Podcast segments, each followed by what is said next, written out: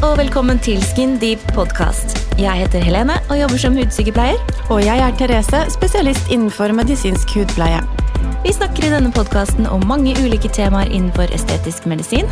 Og vi har en helhetlig tilnærming til hud, kropp, sinn og velvære. Så stay tuned! Hei, hei, alle sammen, og hjertelig velkommen tilbake til en ny episode av Skin Deep podcast. I dagens episode har vi gleden av å ha med oss fitnessentusiasten og coach Katrine Oppegård, som nylig stilte i sin aller første fitnesskonkurranse. Hun er lidenskapelig opptatt av helse, trening, livsstil og mindset. Katrine er aktuell med foredraget Muskel, mat og hjerneprat, hvor hun tar for seg viktigheten av balanse mellom de tre for å prestere aller best. Hjertelig velkommen til deg, Katrine. Tusen takk. Så hyggelig at du er her. Det er kjempehyggelig å få være her. Da, Nå har vi fulgt deg um, Jeg har fulgt deg veldig. Mm. Jeg er nesten stalka deg på Instagram. Ja, det er lov. Litt stalking er Ja. lov. Utrolig imponerende alt det du har fått til, Takk. og på så kort tid. Mm. Det må ha vært en utfordring uten sidestykke. Absolutt. Ja, ja. Men også et helt, eh, et helt univers av nye opplevelser, da. Det må, men det må ha vært Mm. utrolig utfordrende for ikke bare kroppen, men psyken din. Mm. Det har det, altså. Den derre ordet dedikert har jo blitt en helt, har fått en helt annen mening for meg. Fordi at motivert er jo på en måte, det mister du litt. Det er ikke hver dag man er motivert. Men å være dedikert, det er bare 'dette skal jeg gjøre', det blir jo Ja, det blir liksom alt. Det blir helt altoppslukende. Og disiplin. Mhm. Veldig. Tenker du på ordet disiplin som noe negativt eller som noe positivt? Jeg tenker på det som eh, positivt. Eh, jeg forbinder det med måloppnåelse. Ja. Ja, det gjør jeg. For det er jo Jeg gikk jo fra 90 kilo. Oi! Mm. Jeg var eh, god, en god og rund gammel bestemor uten å være gammel eller bestemor, men bare den fasongen til småkaker og alt det blir, og Nyte livet òg. Ja, nyte livet, vet du. Har det så bra. Men eh, Så det totale vekttapet eh, landet jo faktisk på 43 kilo. Oi, oi, oi. Mm, jeg gikk ned 43 kilo. Det er en hel eh, tolvåring, det. Ja, det er det. Ja. Det er ganske ekstremt. Så- Men hvordan tok kroppen din det, og ikke, og ikke minst øh, hodet ditt? Ja. Jeg, jeg tror at uh, jeg var veldig fokusert på, uh, på at dette var et mål jeg ønsket å gjøre, fordi at jeg hadde holdt på med det så lenge. Jeg hadde jobba så lenge med at dette vil jeg, ikke sant? Og så eh, Når jeg først kommer i gang og setter i gang og ser at det gjør såpass store endringer på kroppen min, så gjør det også endringer i hodet. Ja. Da får jeg jo den der positive driven hele tiden. Fordi når du er så stor som jeg var, da, så, så mister du fett ganske fort. Ja. Så, så det går, prosessen begynner liksom dritraskt, og det er jo motiverende i seg sjæl. Mm. Um, så, så jeg kjente jo at kroppen min ble jo Det ble lettere å, å bare være i aktivitet. Det var vanskelig. Det var det i starten. Men etter hvert som jeg ble lettere av vekt, så ble det lettere å bare gjøre det også. ja, når du Mm. ser resultatene òg, sikkert. Mm, Mm. mm. Så kroppen forandra seg jo masse, masse, masse over kjempekort tid. Du, du hører jo de som bare men jeg orker ikke å trene'. Men jeg tror kanskje misforståelsen er at bruk av energi gir mer energi. Mm. Så kroppen må bli vant til å bruke den energien Mm. først. Mm. Så den hele tiden lager og gir påfyll av ny energi. Og så er det tungt. Det er kjempetungt å trene når man er utrent, og hvis man er overvektig eller undervektig, eller bare ikke har liksom Du har det ikke inne, da. Så er det kjempetungt. Du er støl hele tida. Det er helt forferdelig for hver eneste situps eller hvert eneste rep du prøver å ta. Men, men som alt annet som man, som man trener på, ikke sant? Vi kan jo tenke fra barndommen av når vi øvde på å hoppe hoppetau eller øvde på å sykle, Mm. så var det jo grisetungt i starten. Men så blir det jo lettere, og akkurat samme er det jo med fysisk aktivitet. Det blir lettere. Det gjør det. Mm. Og så blir det mer og mer, det sklir over fra noe som er en utfordring til mer og mer en livsstil, tenker jeg da. Mm. Det blir din greie, liksom. Ja. Ja. dette er bare Det gjør jeg. Akkurat på lik linje som jeg pusser tenner eller lager mat eller Ja. Det er, ja, det er en del av Mm, hverdagen. Ja, ja. Mm. Absolutt. Men man har jo de som har veldig lyst til å trene, men som kanskje gruer seg for dem Kanskje de ikke føler seg vel, eller de, de syns det er flaut å gå på treningsstudio og tenker alle kommer til å se på meg, og jeg er kanskje ikke så flink, og Mm. har vært igjennom den selv også. Mm. Kommer den reka, liksom. Mm. Men det er jo ikke sånn det er. For Nei. folk er så opptatt med seg og sitt, Ja. og så når man får vært der noen ganger, så plutselig så hilser man på alle, og Ja. Det er jo alle aldre, og det er alle fasonger, og det er jo alt mulig, og det er veldig Egentlig så er det ofte trivelig eh, miljø på sånne treningssentre. Mm. Det er selvfølgelig variabelt, men finne et treningssenter med godt miljø som du føler du kan passe godt inn i, tror jeg også er viktig. Mm. Det er veldig, veldig viktig. Ja. Og jeg begynte jo Når jeg begynte å trene, så trente jeg jo først eh, et halvår eh, cirka aleine. Og så, og så fikk jeg med PT på treningsstudioet jeg trente på. Og hun øh, Hun trente noe helt annet enn klassisk styrketrening. Og ja. Hun, ja, hun drev med noe som heter functional pattern. Så jeg er jo den første bikini, eller den første fitnessutøveren i Norge, i hvert fall, som har brukt denne treningsmetoden for å komme meg på scenen. Oh ja, så spennende. Ja, Det er dritspennende, og vi, vi er skikkelig stolte av det, jeg og hun. Og, og den treningsmetoden handler jo bare rett og slett om Altså Superenkelt forklart så er det jo en overdrivelse av kroppens naturlige bevegelsesmønster. Ja. Så det er jo biomekanisk trening. Det, jo, det ser jo helt funky ut. Helt sånn Jeg har blitt spurt på treningssenteret uten å ha trent med henne. da. Liksom, du, Skal jeg vise deg hvordan man gjør det? Folk tror at jeg driver med et eller annet sånn Tullete? stuk. Ja. ja. Og hva skjer? Har jeg fått hjerneblødning? Men, men ja. Men, så det er masse klikka sånn helt for henne. Masse funky øvelser, men det var jo etter jeg begynte med det, og, og virkelig på en måte gikk inn i en kostholdsplan, at kroppen min bare dro i helt riktig retning. Og det var ikke bare det at jeg mistet vekt, men alle musklene mine ble jo helt riktig proporsjonert. Så alt bare havna der det skulle havne i kroppen. Da. Mm. Um, Ja, for det også er en utfordring. mm, veldig. Blir du, ikke, du får ikke vekst der du vil, og så går det blir litt feil noen ganger. Mm. Og jeg hadde en, eh, en kollaps på venstre side. Mm. Jeg vet ikke helt, jeg tror kanskje det er en medfødt greie, fordi at jeg også har skoliose, altså skjevhet i ryggraden. Mm. Og så har jeg båret rundt på baby, ikke sant? og alt sånne feilbelastningsgreier. Og hun drev og kicka på disse eh, ryggbladene mine helt, at de sto rett ut. Oh, ja. Ja, For henne så var jeg sånn altså et mekka av feil som hun bare kunne. Utforske. Ja, dytte og trykke, og det er mye peking og pirking. og, ikke sant? Ja. Men, men det sjukeste er at øh, mens vi trener sammen, altså hele denne perioden hvor hun er min PT, og så blir min veldig gode venninne, så retter jo kroppen min seg helt opp. Jeg går fra å være sånn halvsynkende skip til at øh, skuldrene mine er helt parallelle. De popper opp sånn skikkelig fitness-popping. Eh, ryggen min ser mye bedre ut, den er ikke så skeiv. Hoftene er like, så alt er liksom likt. Mm. Og det, de, grunn, de baseøvelsene på en måte i functional pattern er jo holdning. Sant? Hvordan går man? Hvordan står man? Hvordan, hvordan gjør du de der dagligdagse tingene? Ja. Og Som man ikke tenker over i det hele tatt. Man er jo så ubevisst. tenker ikke over det. Mm. Og jeg har alltid hatt ekstremt mye volum på fremside lår, fordi jeg har, jeg har vel gått på en måte som gjør at der bygger jeg naturlig masse muskler. Så jeg har alltid hatt kjempemye volum der. Mm. Men når hun lærte meg liksom eh, denne prosessen med, at, med holdningsbasert trening, da, hva, hva, jeg, hva gjør jeg i hverdagen? Så bare så flytta jo hele, hele kroppen min, bare skifta seg. Det var helt sjukt kult å se Så på. spennende. Ja, ja. Ble mye mindre volum på framsidelår, mye mer volum bak. ikke sant? Mm. Proporsjonene, da.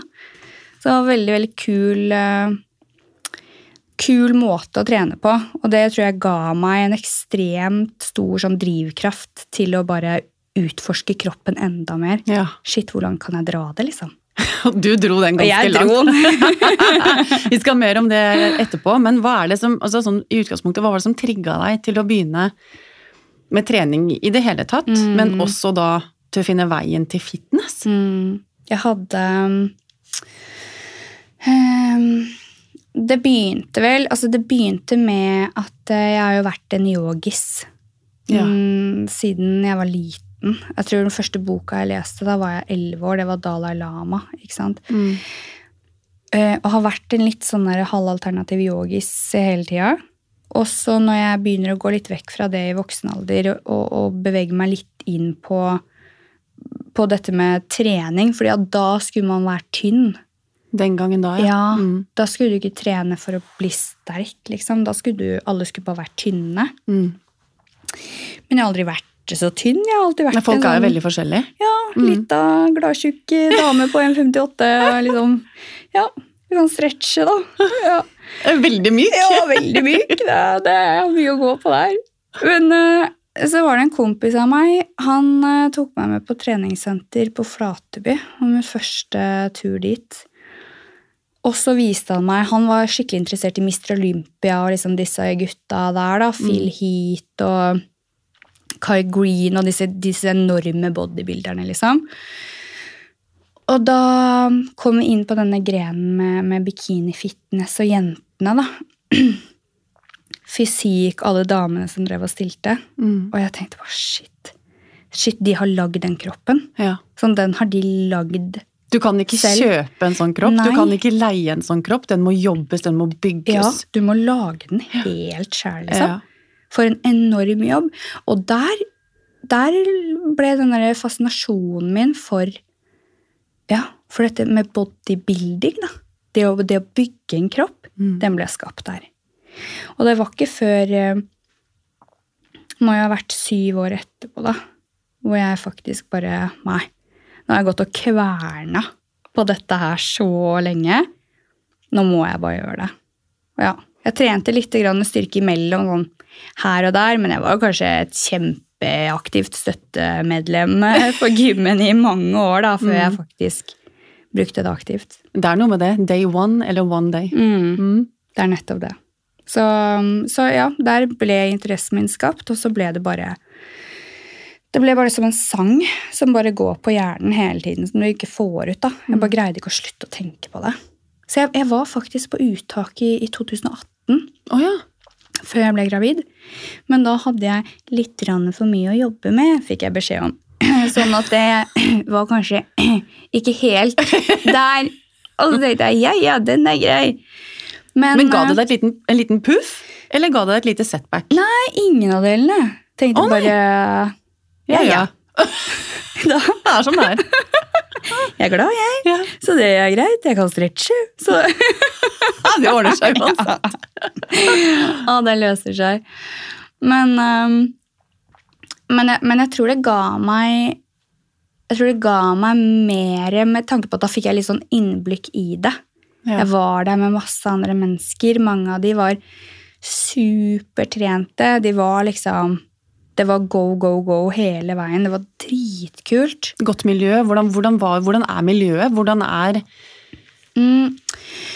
Miljøet er vel eh, hvordan opplevde du den verden, den fitnessverdenen? Altså, det første møtet mitt med det var vel ikke sånn noe jeg egentlig tenkte over. Jeg er en ganske sosial person, så for meg så er det samme om jeg er på, liksom, på dagligstua i et gamlehjem eller på et uttak til fitness, og folk er folk, da. Ja. Eh, så der tror jeg ikke tenkte noe over det, men nå som jeg har vært i miljøet selv som atlet, så har jeg jo plukket opp en del ting, og, og det, jeg kan jo egentlig bare si mest positivt, i hvert fall om jentene, da. Det er mye støtte, det er mye girl power. Ja. Det er skikkelig mye sånn hvis noe er vanskelig for den ene, så bare dette får du til, jeg kan hjelpe deg, eller se på hun og hun, det er mye tips, vi deler oppskrifter. Oh, ja. Mm, det er mye heiing, mye klapping, deler hverandres stories. Og, og det er litt sånn, selv om vi ikke kjenner hverandre engang, så er det sånn, å ja, du også driver med, ok, følger og, og prater, og jeg vet ikke, man bare klikker på en eller annen måte. Så Men heldigvis er det populært da, at jenter støtter jenter. Så det var jo på tide. ja, Det har ikke alltid vært sånn. absolutt ikke.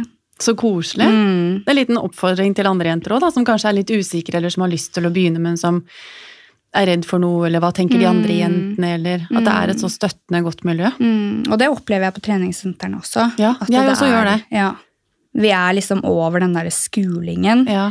Det er litt kanskje blant den yngre garden, Ja. men det går nok mer på usikkerhet. Ja, jeg tror det. Men, men det jeg har lagt merke til, er jo at det, de blir jo utrolig sånn De yngre, da, blir jo veldig glade hvis, hvis du først kommer og bare 'Halla! Ja, de Du, gjør I dag naila du det!' Ja. Oi, ja. Og så ser du at det smitter over. De sier det til neste person. 'Halla! I dag gjorde du det dritbra!' Så det er ganske kult liksom, å se hvordan vi kan påvirke miljøet sjøl. Mm. Positiv Mm. ripple-effekt. Mm. Men man må bare ta det initiativet til å si noe, ikke bare Mm. tenke at 'oi, i dag gjorde hun det bra', så går man videre med livet. Men faktisk Mm. stoppe opp og si det. Ta seg den Mm. tida. Ja. Hva tenker du, Hvordan trener du da? Altså, når du skal bygge en kropp, hva er det du legger mest fokus på? Er det vekt, er det styrke, er det Skjønner at kanskje ikke det er så mye kardio, men hvordan legger du opp det? Og hva tenker du er forskjell på hvordan du trener når du er, eller skal i en konkurranse, og ellers hverdagslig? Hva er det du legger Mm. mest fokus på? Det jeg, det jeg trener mest, er jo absolutt trening som er eh, Altså som gjør meg skadefri. Det er jo det viktigste. Eh, og skadefri trening får du jo ved at du ikke gasser på så hardt, fordi du ser liksom alle andre gjør det, og så tenker du at for å bli sterk så må jeg løfte da 20 kilo over det jeg egentlig greier. Men så er det egentlig senebetennelse, og så er det masse andre greier som gjør at du, du får et setback. Da. da får du ikke trent de neste tre ukene, da. Sant? Så det viktigste for meg, måten jeg trener på, er at jeg, er ikke, jeg løfter ikke så jækla tungt alltid. Noen ganger går jeg inn for å ta ny PR, men det er ikke alltid jeg løfter sånn så ekstremt tungt, fordi Mm. at teknikken og den der muskel-mind-greia med at eh, du skal få kontakt med musklene Ja, kan ikke du forklare litt om det? Mm. Ved å få um, For meg så er det jo veldig viktig med visuelle kontakten. Sånn at når jeg trener skuldre, så har jeg gjerne på meg en singlet.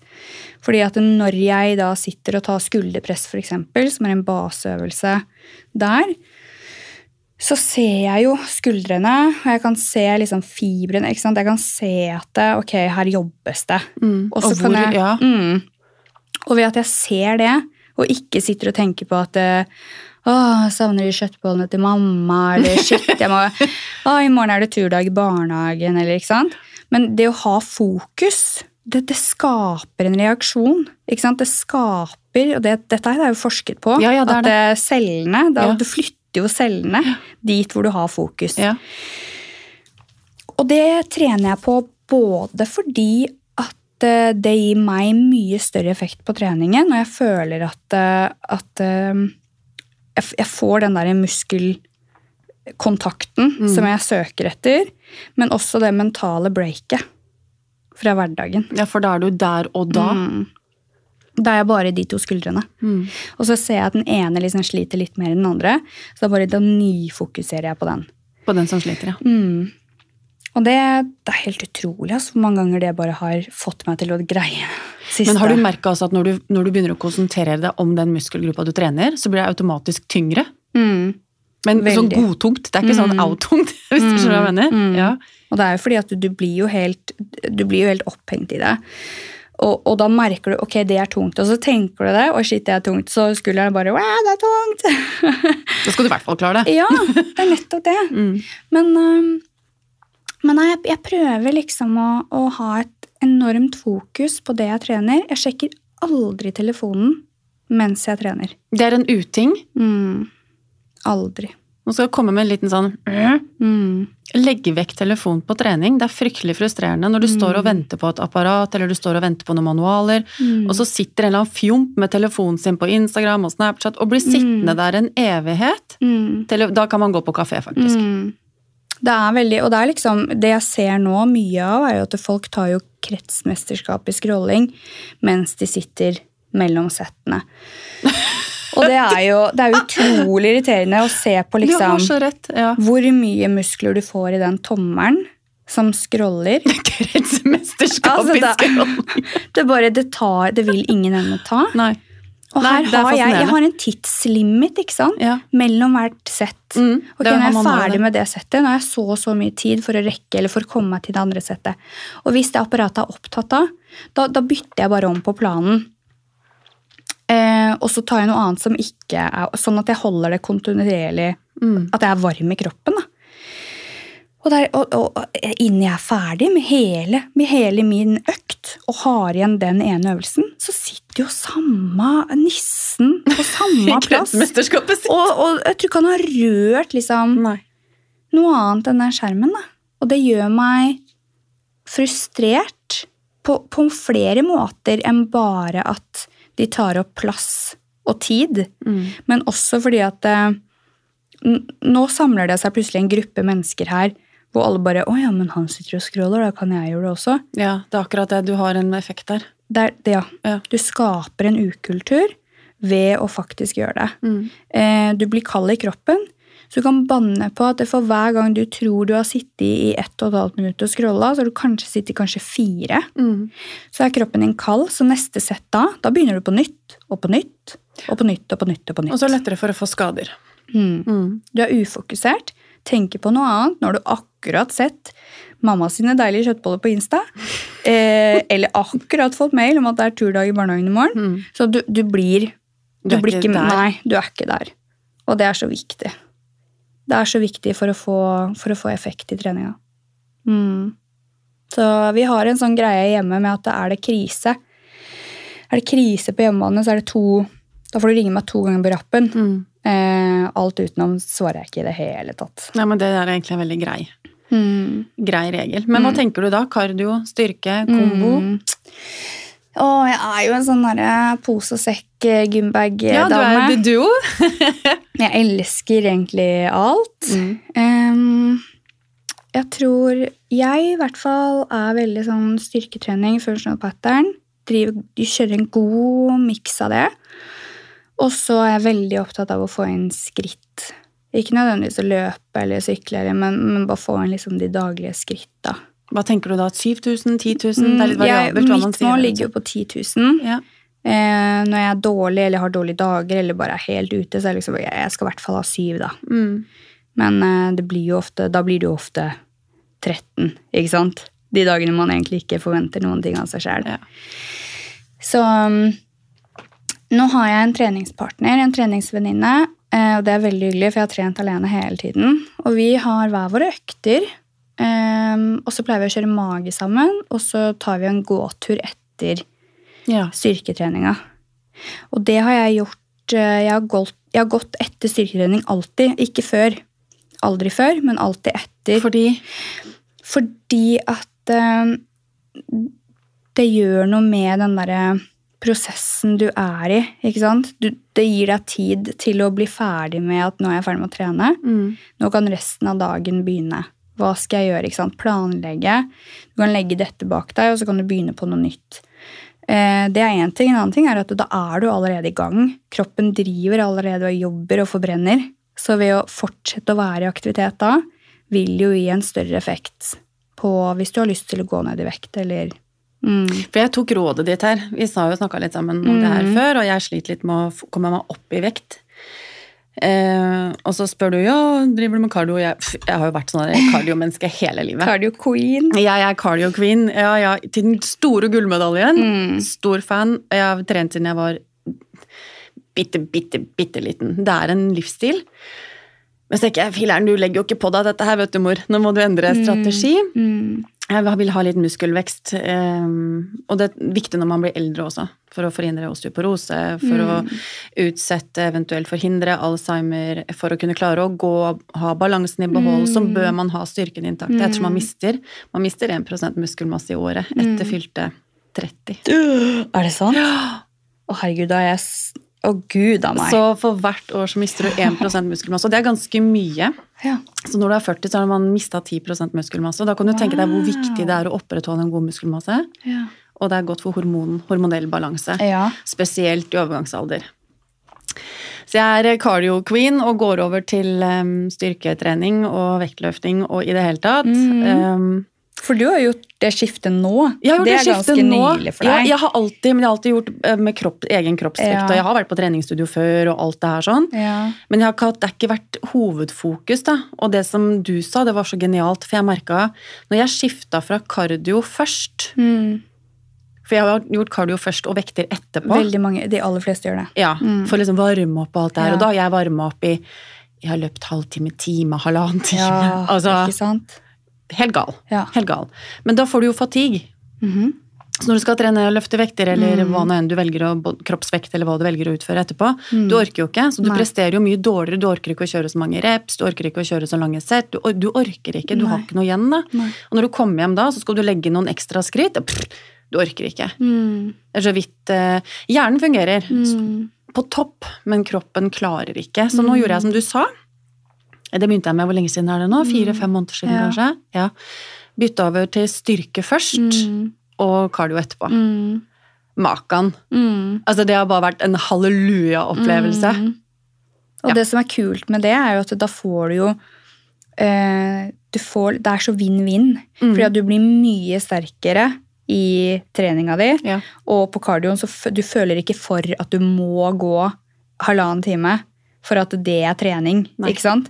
Da bare da rusler du for å ja, for å restituere, rett og slett. Ja, jeg kan ta en Mm. veldig Jeg kan løpe, eller jeg kan ta Mm. ellipsemaskin. Syns jeg er genial på Mm. etterpå. Mm. Men jeg merker jeg orker jo ikke så lenge, for da er kroppen Mm. såpass godtømt på styrke. Så det er Mm. kjempeeffekt, og jeg merker på hormonnivåene. Jeg Mm. føler meg bedre, jeg er mer stabil, jeg er kanskje ikke så mye Mm. lenger. Ja. Så det har så mange positive effekter, så Mm. folkens, prøv. Verdt å Mm. prøve. Ja, jeg er helt um, Takk for veldig godt jo, tips. Bare Ja, hyggelig. det- Skal du gjøre cardio, så gjør er helt bare do your thing, men ta den etter Ja. styrkeøkta. Ja. Det må være Og ingen scrolling.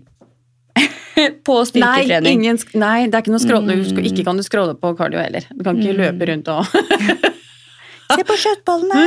Nei. Ja, nei, det er ikke så interessant da. Men eh, hva tenker du, fordi det er jo et ordtak um, vi skal komme inn på, ettersom dette er også om hud, så skal vi komme inn på det med trening og hud og hudens Mm, funksjoner, og hva trening faktisk, ikke bare hvordan det påvirker kroppen, men også hvordan det påvirker eh, huden på et cellulært Mm. nivå. Men hva tenker du om ernæring? For det er mange som sier eh, sixpacken bretter du ut på kjøkkenbenken. Ja. Hva tenker du om det? Åh, den har jeg aldri hørt før. Er, er det mange som sier det? Det er um, Gosh a meg. Ja. Jeg tror um, det fins mange greier. Folk sier 80% mat, resten trening.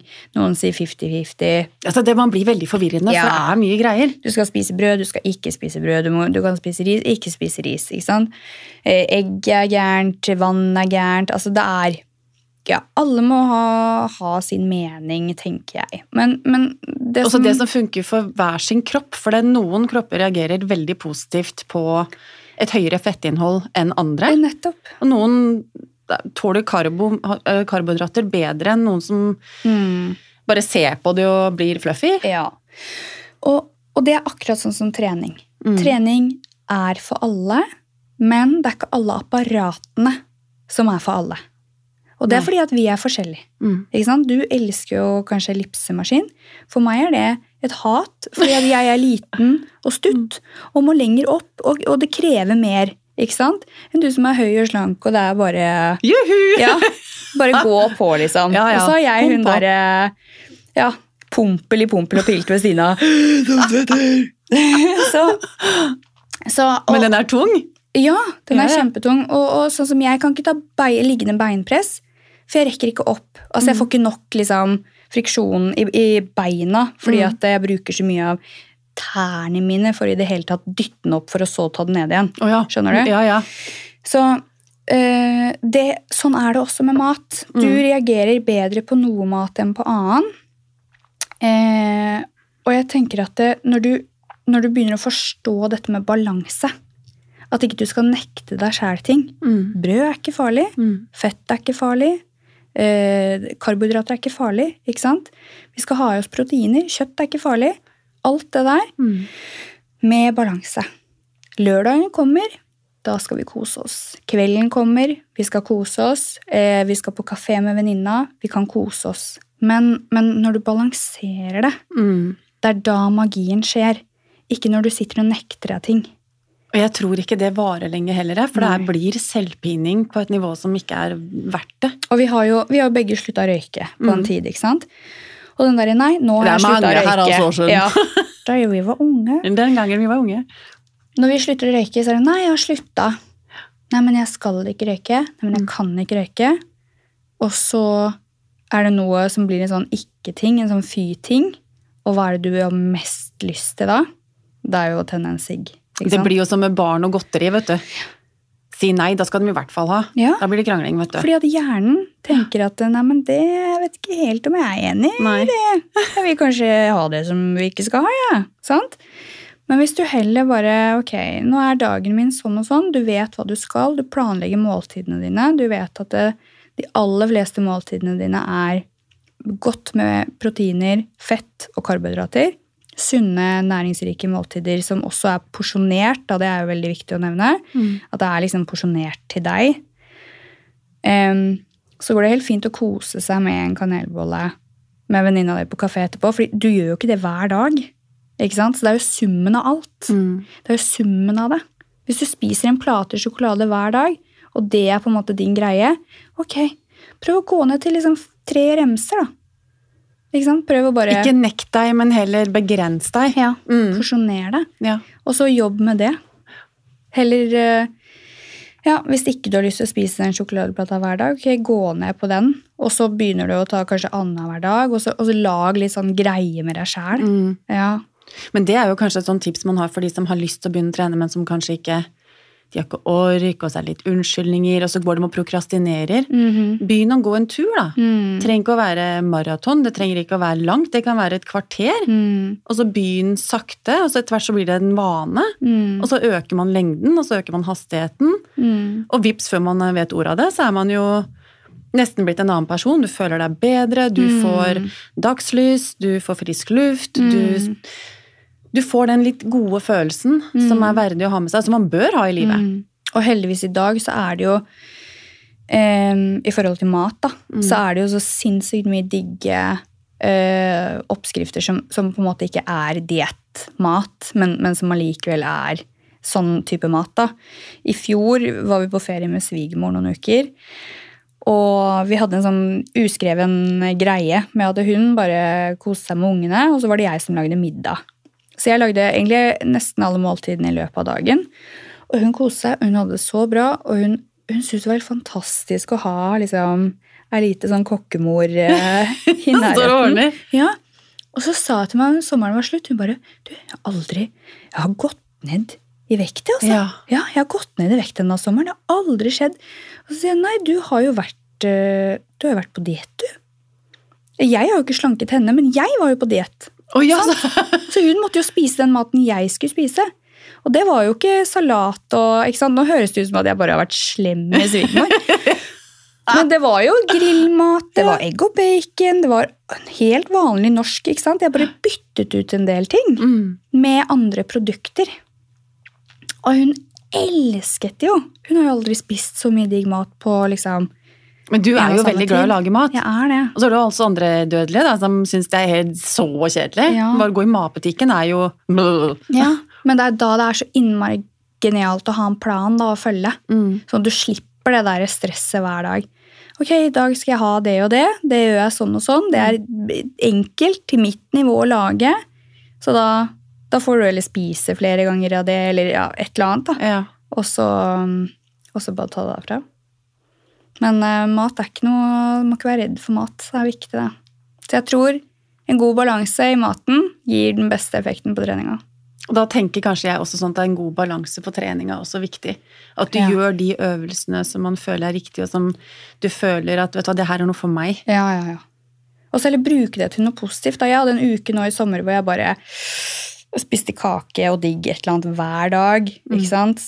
Ja, men det er lov. Man Og det skal seg. være lov. Ja. Og så prøver jeg heller å vinkle det til at nei, men da, da bare Da makser jeg bedre på treninga. Det hadde, jeg gjorde jo, jeg tok jo PR i alle Altså personlig rekk, da. Ja. I alle øvelsene mine. ikke sant? Jeg, bare, jeg følte meg jo dritsterk.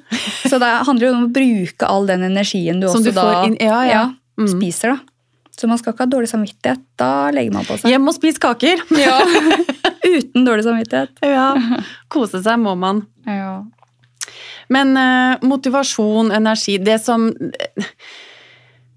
Nå høres jeg litt ut som den Karen borti gata som aldri har tid til noe som helst. Ja, Karen. Mm. Um, hvis du er en overstressa småbarnsforelder Mm. som eh, du er i full jobb, eh, du skal, det er barn som hyler og skriker, og du skal følge opp, og det er skole og det er barnehage og i det hele tatt. Det er, eh, man har kanskje en veldig krevende jobb. Mm. Hvordan, man hører veldig mange av de si at jeg finner ikke tid til trening, og jeg har ikke tid til meg selv, og jeg har ikke tid til ditt, og jeg har ikke tid til datt, og så kan jeg bli litt sånn krass, eh, kanskje litt for krass. Men hva Mm. tenker du, hva um, Har du noen tips, har du noen råd til hvordan kan de implementere en økt? Og eventuelt Mm. hvor lange økter bør man ha?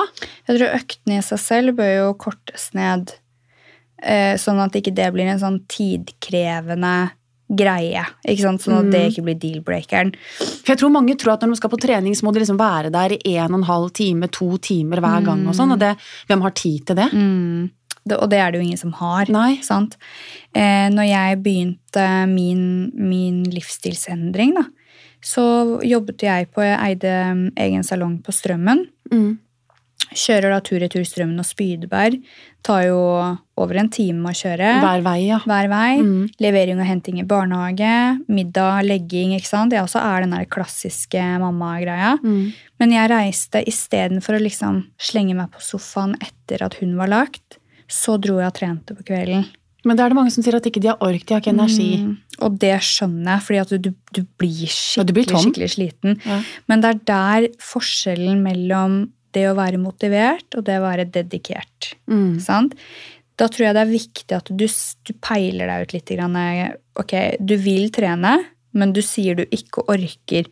Men, men orker du ikke tanken på å måtte kle deg om og ut igjen i all Ja. slags vær? Ikke sant? Er det tanken du ikke orker? Er Dørterskelen blir veldig høy, altså. Jeg er eh, synder av det selv. Og det skjønner jeg, og Mm. jeg også har vært der. sant? Jeg har også vært der hvor dørterskelen bare er Jeg får ikke klatra Den er ti meter høy. Ja, ja, det er helt, det er helt sinnssykt. Men jeg tror at du må bare du må sette ting litt i perspektiv. Hva med barnet ditt, da? sant? Ok, nå er det vinter. Det snør oppover. Altså, Ja, ja. det er glatt. Er det farlig å kjøre ut, eller kan jeg stikke på trening? Hva gidder jeg i dag? Har jeg, er jeg motivert nok til å kjøre en økt aleine? Nei, meld meg på en gruppetime. Da er du liksom Ok, men da har du meldt deg på. Men man kan også ta hjemmetrening, tenker jeg da. Mm. Og det også er kjempefint å gjøre. Ja. Ofte så, så kan jo det være litt sånn Nei, men hvis du tar det hjemme, så har du kanskje noe på TV-en, og så, hører, du- og så må du bare sjekke noe, og så skal du bare Ikke sant? Så Det er fort gjort å bli det blir en sånn ja. e- egen arena for det. Mm. Men jeg tror det beste for å, for å komme seg, for å faktisk bare komme seg ut, er jo å bare sette det litt i perspektiv. Hva er det jeg egentlig vil? Mm. Sant? Hva vil jeg med kroppen min? Har jeg lyst på en trent, sunn kropp som, som er sterk, eh, som kan leke med ungene? Ok, Da drar jeg ut og så gjør jeg den økta i kveld. Det er litt ekstra sliten, men jeg vet at søvnen blir bedre i natt. Jeg vet at jeg kommer til å spise mye bedre i morgen tidlig fordi at jeg dro og trente i kveld. Jeg vet at valgene jeg tar framover, blir bedre fordi jeg valgte å ta den treningsøkta. Jeg sier ikke at man trenger å gjøre det hver gang, men hvis summen av det er flere ganger enn at du ikke gjør det, Mm. Så er de gangene du ikke gjør det bare bra, for da bare slapper du av. Da gir du kroppen ro til å restituere seg.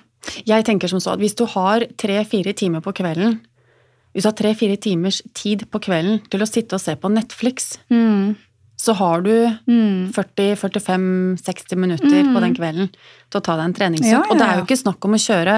Det også er en sånn greie jeg hører veldig mange si men jeg, det er trening, jeg har ikke tid, jeg orker ikke og er sliten og sånn. Og det er fullt forståelig, men hvorfor skal man på død og liv kjøre det så intenst? Nei, og det Det trenger man ikke. så, det blir så svart-hvitt. Ja. Istedenfor å tenke ja, men jeg kan kjøre gråsonen, og så kan man gjøre en moderat økt. Og jeg tenker en mild økt du kanskje kjenner at ja, det var jo egentlig ikke noe særlig poeng. Jo da, du beveger deg fremdeles fortere enn den som sitter på sofaen, så det her går fint, det. Mm.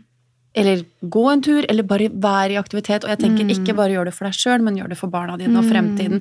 Altså jeg tenker trening, det er ikke nødvendigvis for Bonusen er selvfølgelig at du kan bygge egen kropp, men hvis du har helsa di, Mm. og den dagen du får barnebarn, du kan få lov til å gå ut og leke med barnebarna dine, du klarer å gå selv, du klarer deg selv, du kan lage mat selv når du blir eldre. Så faren min har et veldig fint ordtak, han trener for å bli gammel. Mm. Og det er skikkelig fint. Det er skikkelig fint, Ja. og, og det er jo det er noe vi syns kanskje de altså de fleste kan tenke over. Ikke bare den der å bygge kropp her og nå, men det at jeg, jeg trener faktisk for å slippe å gå med rullator. Sant? Jeg trener faktisk for å ville holde meg på beina. Ja. Fordi at jeg har lyst til å ha den kognitive funksjonen i takt. Jeg har lyst til å være med. Du ser jo det på eldre mennesker, eh, spesielt etter 65 år. Eh, De har jo Det er ikke alltid nødvendigvis så vanskelig for de å komme seg oppover, men det er nedover. Og da glipper ofte muskulaturen, så de faller. Eh, Og hvis de faller og slår og brekker femur, eksempel, eh, så er sjansen stor for inflammasjon, og dødelighetsraten på de øker betraktelig innen de neste tolv månedene. Og det er sånne ting, hvis man har det litt i bakhodet at vet du hva, jeg trener ikke bare for egen vinning, men jeg har lyst til å være her, og jeg har lyst til å være frisk og sunn for barn og, og barnebarn fremover. Mm. For det er mange som bare det er, så, det er så egoistisk å trene. Er det det? Mm. Er det ikke mer egoistisk å gjøre, være hjemme og ikke gjøre noen ting, og bare Mm. stappe i seg fullstendig uten mål og mening? Ja, og så tenker jeg i hvert fall altså de, er jeg litt krass, men dog. de som ikke har barn, kanskje ønsker barn, i hvert fall kvinner, da. Mm. Det å trene for å skape en sunn og sterk kropp til å faktisk bære et svangerskap, Ja. er jo en, en hel greie i seg sjæl. Mm. det kan jo være med på å øke fertiliteten. Ja. Eh, det kan jo være med på å, å, booste alle disse kjønnshormonene du trenger for å i det hele tatt ønske å lage et barn. Mm. Ikke sant? Så, ø, og vi som har barn, da. Vi trener jo for å trene kroppen opp igjen etter dette svangerskapet. Ja. Du gikk jo også opp noen kilo når du gikk gravid med din sønn. Mm -hmm. Jeg gikk jo opp eh, 30 kilo Mhm. når jeg gikk gravid med min datter. Jeg trodde jeg skulle føde en sumobryter, sånn en full size sumobryter. Og så kommer det en liten smørpakke. Altså, hun var jo så liten. bitte bitte. Hun var, hun var som en fugleunge. Er dette Mm. alt, liksom? Har jeg vært så svær for dette? Ja. Så, så du bør, som med mye annet i livet, da, som jeg sier til, til, til klienter jeg coacher også, liksom, det å sette ting i perspektiv. Hvorfor gjør du det? Fordi alle andre gjør det? Er du medlem på et treningssenter fordi at alle andre er det? Eller hvorfor vil du gjøre det? Hvorfor vil du egentlig gjøre det? Du, det der må jeg bare kort inn på det du Mm. sier der, for det er litt interessant. Jeg legger veldig merke til at den yngre garden eh, si fra nå er det, er det 15-årsgrense på treningssentrene. Fra 15 til noen og 20 så er det det er squats og markløft. Ja, That's it. ja. ja benkpress, da. Ja, de er Ja, det ser jeg ikke så mye av hos oss. benkpress. Mm. Men det er mye det er mye markløft, og det er Mm. mye squats. Og så tenker jeg ja, men det er jo ikke alle kropper som eh, håndterer det så bra. Mm. Det er jo andre øvelser som kanskje ville vært bedre for Den unge kroppen, Ja, du? eller fordi vi er jo forskjellige, så noen kropper kanskje passer bedre til det enn andre, da. Mm. Det Det er fins Ja. andre kroppsdeler enn rumper. ja. Jeg bare sier det. Nei, nei, ikke i Nei, jeg, 2023. nei, jeg skjønner det. det, er, Mm. det.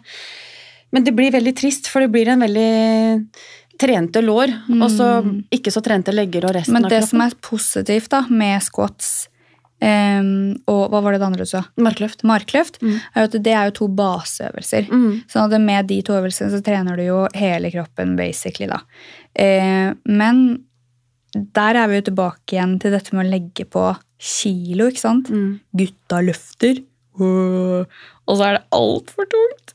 Og så bare, sant. før du veit ordet av det, så har du jo skader som kanskje tar deg resten av livet. ikke Ja, sant? det- Fordi at du hadde lyst til å cope med de andre gutta. Mm. Men jeg ser det på jentene òg. Mm.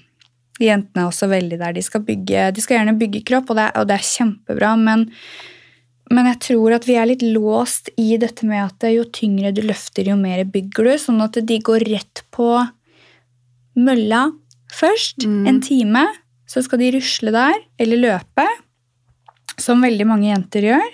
Og så skal de da bli sterke etterpå. Og da kommer dette fatigue som du snakker om. Og Mm. med fatigue så blir teknikken feil, og så Ja. legger du på enda mer vekter enn det du kanskje egentlig greier. Mm. Så får du ikke kontakt med den muskulaturen du skal, og så blir det liksom altså korthuset bare raser derfra. Da Da Ja. blir det skader. Da orker du ikke. Da er du, da er du utslitt, ikke sant? Før du i det hele tatt egentlig har begynt. Ja, Så- det er man. Mm. Jeg tror det beste de, i hvert fall de yngre kan gjøre, er å bare ja, ikke, altså slutte å følge så mye fjas på sosiale medier. Fordi at det er Vi, vi må kalle en spade for en spade. Jeg Ja. orker ikke mer tull, jeg. Det er mye rart. Du ser mye rart. Det er, ja. Ja. Kan bare sjekke liksom, hva gjorde du i gymtimen. Aktivitet, ja. Ok. Funka det? Ja, ok. Da gjør vi mer av det. Kan vi bare gjøre mer av det som funker? Vi trenger Mm. ikke finne opp hjulet på nytt hver gang, liksom. Jo, det må vi. Ja, tydeligvis. Godt å gjøre ting mer komplisert ja, enn det det egentlig er det er. deilige øvelser med sånn åtte ulike navn og Nei, jeg har ikke peiling. Mm. Men hvor mange ganger i uka, hvis du har en sånn stressa småbarnsforeldre, Ja. eh, hvor mange ganger i uka anbefaler du de å trene? For ikke bare for eh, Nå tenker jeg på generell psykisk helse, fysisk helse. Rett og slett bare holde seg i form. Mm. Ikke noe bygging, ingenting. Bare generell god helse. Jeg vil jo absolutt si at eh, hvis du trener tre ganger i uka, Mm. to-tre ganger i uka, så har du liksom en, et enormt stort utgangspunkt enn hvis du bare dropper det. Og hvor, hvor lange er øktene da eventuelt? Nei, der har du jo altså Det er jo ingenting av det jeg sitter her og sier i dag som er noe fasit. ikke sant? Dette er jo bare hva, hva jeg selv tror. Ja, men Som et eksempel. Mm. Jeg syns ikke at øktene skal være noe lenger enn 45 minutter. Maks en time. Mm. Og da har du effektive økter. Du går inn for å trene både mentalt på at du skal fokusere i dag, Mm. Eh, og så skal du trene på, på dette med å få kontakt med musklene dine. ikke sant? Nå over en time, da begynner vi å kjede oss. For det er det samfunnet vi lever i. Det må skje noe nytt hele tida. Mm. Så hjernen vår, i hvert fall hjernen til de yngre, er programmert til den derre noe nytt, noe nytt, Mm. noe nytt, noe nytt hele tiden. Og hvis du trener noe lenger enn en time, så, så går det jo bare utover utholdenheten din. ikke sant? Da er du igjen inne på at du, blir sliten. De neste settene på et eller annet du tar da, vil jo bare kanskje gi dårligere eh, effekt, da, fordi at du er Du har ikke god nok teknikk. Mm. Mm. Så tre kvarter. Vær dritfornøyd med tre kvarter, men gjør det bra uten mobiltelefon. Bare for musikk, eventuelt? Mm, Mm. Absolutt. Bare for musikk. Ja. Lag spillelister på forhånd. Alle disse sangene som har liksom affirmasjoner, og som har Pump. skikkelig pump, og du elsker det. Jeg er en sucker for, eh, for god gammeldags rock. Å ja, er du det? Ja, ja, jeg er helt eh, Er du der? Ja, ja. Og det er jo Så kult. mm, Altså, jeg pleier jo egentlig ikke å høre på det, sånn sette på det til vanlig. Men eh, jeg er jo sånn folkemusikkdame, liksom. Men eh, god gammeldags rock, ja, ja, ja. Da er jeg helt uh, i mitt Helt i din egen verden? Ja. Ja. Så har jeg noen sånne, sånne låter som jeg bare henger meg opp i. Sånn for siste, for siste settet, så må jeg sette på den på repeat. Da, Ja. For å bare På siste brusen? ja, være helt ute av det, liksom. For på, der har det klikka Ja, ja, ja. helt for. ja. Men hva tenker du om eh, psyken? Mm. Hvordan blir den påvirket av trening? Mm. Jeg tror at hvis du ikke lar deg lure av sosiale medier, hvis du, ikke, hvis du greier å ikke sammenligne deg så fælt med hun på treningsmaskinen ved siden av deg, hvis du greier å på en måte bare fokusere på deg sjøl, så tror jeg at det er en mye større vinning enn enn kroppen kanskje noen gang kan, kan gi deg, da. Det psykiske. Mm. Fordi at du eh, Det er jo alle disse effektene som er forskningsbasert. ikke sant? Du senker stresset, øker næringsopptaket, får bedre søvn, Mm. bla-di-bla, alle de greiene der. Men også måten du føler deg på. Jeg kan jo gå ut nå, så har jeg lært meg Nina, PT-en min, og lært meg hvordan jeg skal gå som en sånn power woman. ikke sant? Og det gjør noe med meg. Jeg føler meg liksom, jeg føler meg dritbra. Dette fikser jeg, som gjør at når jeg møter nye utfordringer i hverdagen, så fikser jeg dette. Så, så jeg tror at du blir ikke du blir ikke bare sterk i kroppen, men du blir skikkelig sterk i huet også. Ja, du gjør det. Ja, fordi du, du, du kommer deg over alle de terskerne som ikke du tror du greier. Jeg tør ikke bruke det apparatet, fordi jeg vet ikke hvordan jeg bruker det. Mm. Og en dag så tør du det. og så får du det til. Og så får du mestringsfølelse. Og så smitter det. ikke sant? Da tør du noe annet neste dag. Eller så tar du den telefonen du har vegra deg for å ta. Eller så lager du den retten du ikke vet hvordan du lager. ikke sant? Sånn at det har en skikkelig positiv effekt for psyken. Mm. Og så tenker jeg ehm, Jeg er jo veldig glad i dopamin, men ikke dopamin via sosiale medier. Hjerter og likes og sånn. Det syns jeg er års... Ja. Sikkert veldig hyggelig det når man får det, men ehm, det avgjørende er jo eh, når du er på trening, og hvis du har satt deg et mål Du får ikke den dopaminutløsningen når du når målet, du får det underveis. Og det er den hele tiden, den frigjøringen av endorfiner, eh, oksytocin, eh, serotoninnivåer Alt stabiliserer seg. Du, du, du får en sånn velværefølelse. Og jeg hørte en jente, hun var veldig søt, hun, kom, hun skulle gå fra trening her. Skulle stå og ta på skoene, vi var ferdig. Og så smeller det fra henne, så sier hun til venninna si ja, ja, da kommer jeg inn som en sekk og går ut som en dronning. Ja. Det var sånn hun følte seg. Ja. Og det var en sånn og for henne var det stort, for hun hadde klatra den dørterskelen noe så voldsomt den dagen, skjønte jeg da, på måten de snakket sammen på. Det var, de sto jo oppi øret på meg, så det var vanskelig å høre. Men jeg sa til henne vet du hva, det var så fint det du sa der. Mm. Inn som en sekk og ut som en dronning. Mm. Og så fornøyd med seg selv. Jeg er sikker på at den dagen hennes ble helt magisk på Mm. alle sett og vis. Og det er jo For det er jo ingen som har lyst til å dra på trening fire, fem, seks ganger i uka. Nei, altså, og det er jo der igjen, du trenger ikke å være motivert Nei. hver gang. Det er, jeg er heller ikke motivert hver gang, men jeg er dedikert, Mm. ikke sant? Så, så de mine aller, aller beste økter, hvor jeg bare er propprusa når jeg kommer hjem av dopamin og endorfiner, Mm. er de øktene jeg har hatt minst lyst til å ta. Det er akkurat den samme erfaringen jeg har gjort. Mm. Når du har minst lyst, og det som er ofte er at du er sliten mentalt, men kroppen har så mye å gi, Mm. og vet du hva du får da? Mm. Depresjoner og angst. Mm. For kroppen har så mye energi den ikke får frigjort. Hodet klarer ikke, for du har brukt det på, du er på overdrive hele tiden. Og så er det ikke enighet der i det hele tatt, så blir du bare kjempefrustrert, og så bøh, Mm. detter du ned. Mm. Når du får frigjort den energien som har lagra seg i kroppen, det gjør så godt. Ja, ja og, og så tror jeg bare det å, å faktisk anse det som din tid, da.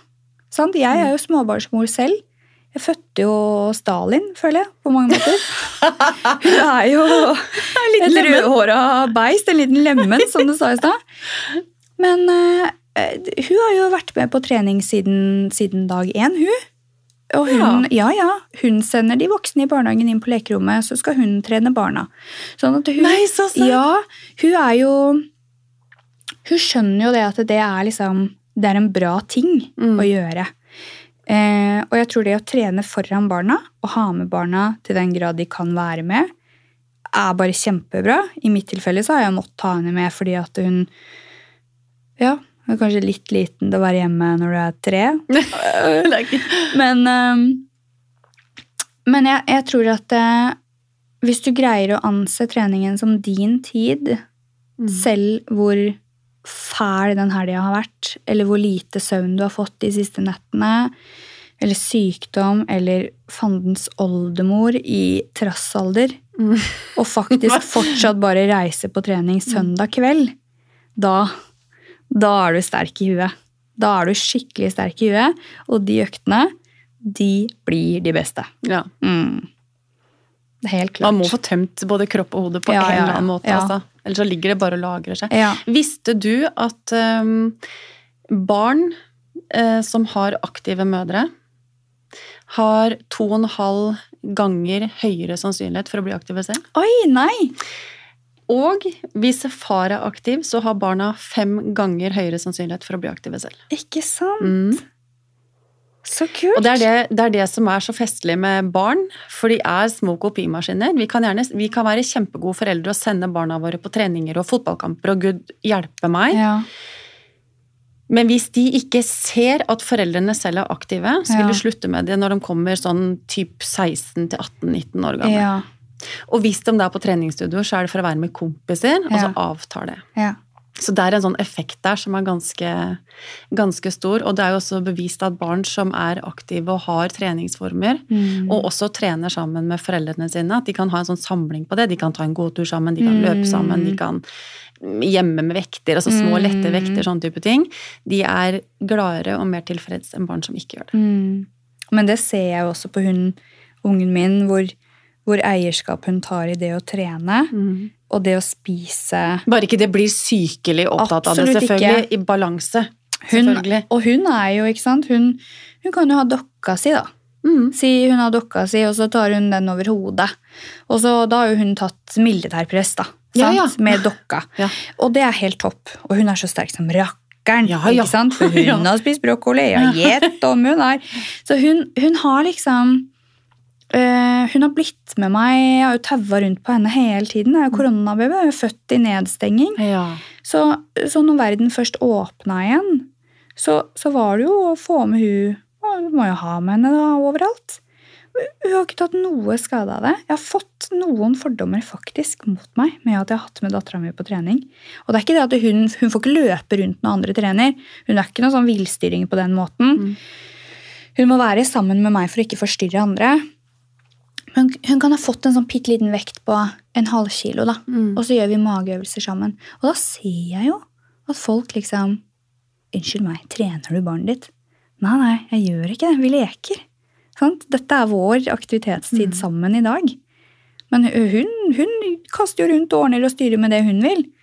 Men, men jeg tror du må bare finne den derre Men det er så rart. mm, Nå er du i aktivitet sammen med barnet ditt, og da skal man bli kritisert. ja. Men hvis ungen sitter hjemme foran en laptop Skjerm. eller en skjerm i timevis, det er helt greit, for det er det ingen Mm. som ser. Nei, det er ikke det. Så, og det syns jeg er, jeg synes det er spesielt. Kiden min har vært med meg på poseringstrening. Hun var jo med meg på um, eh, når jeg konkurrerte. Ja, så mamma på scenen i bikini. Hun kan fortelle deg hvilken farge jeg hadde. Hun kan fortelle deg måten jeg sto på. Hun har jo vært på poseringstrening sammen med meg hjemme.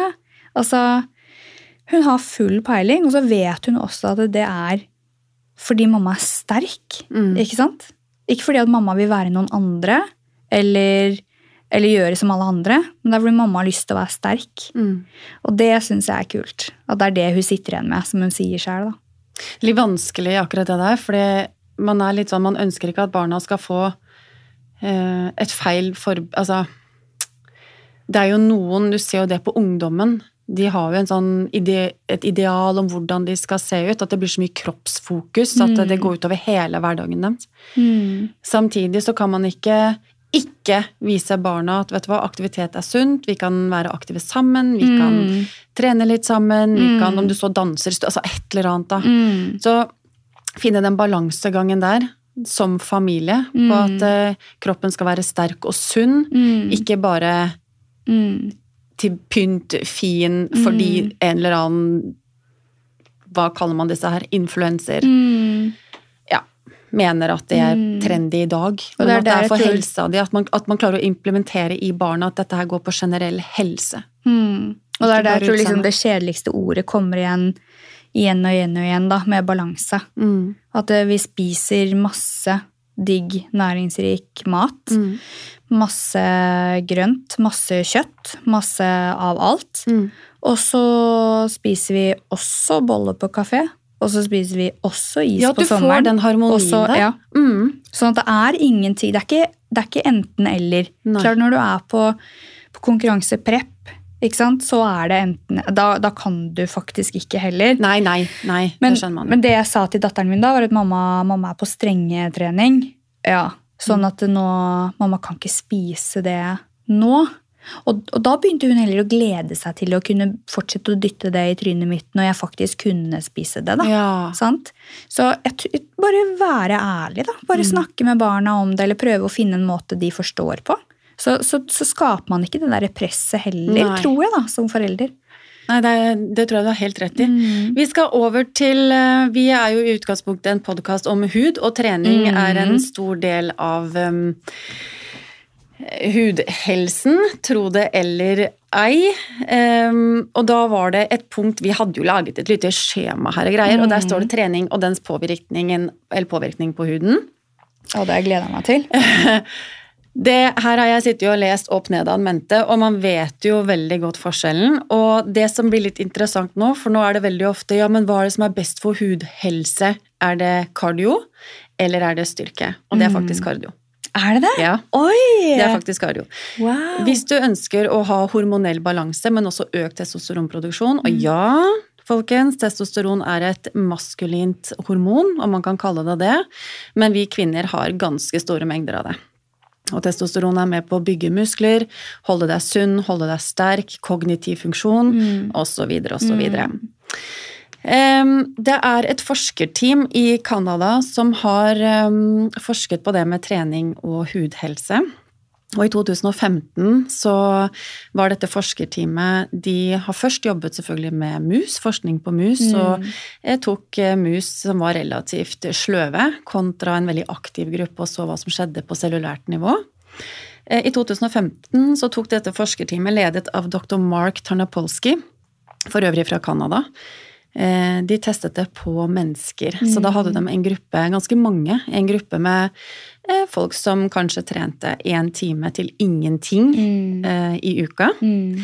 Eh, kontra en stor gruppe aktive mennesker som hadde fire timer i uka med intens kardio- eller aerobic-trening. Det kunne være sykling, svømming, eh, dansing, tennis, løping.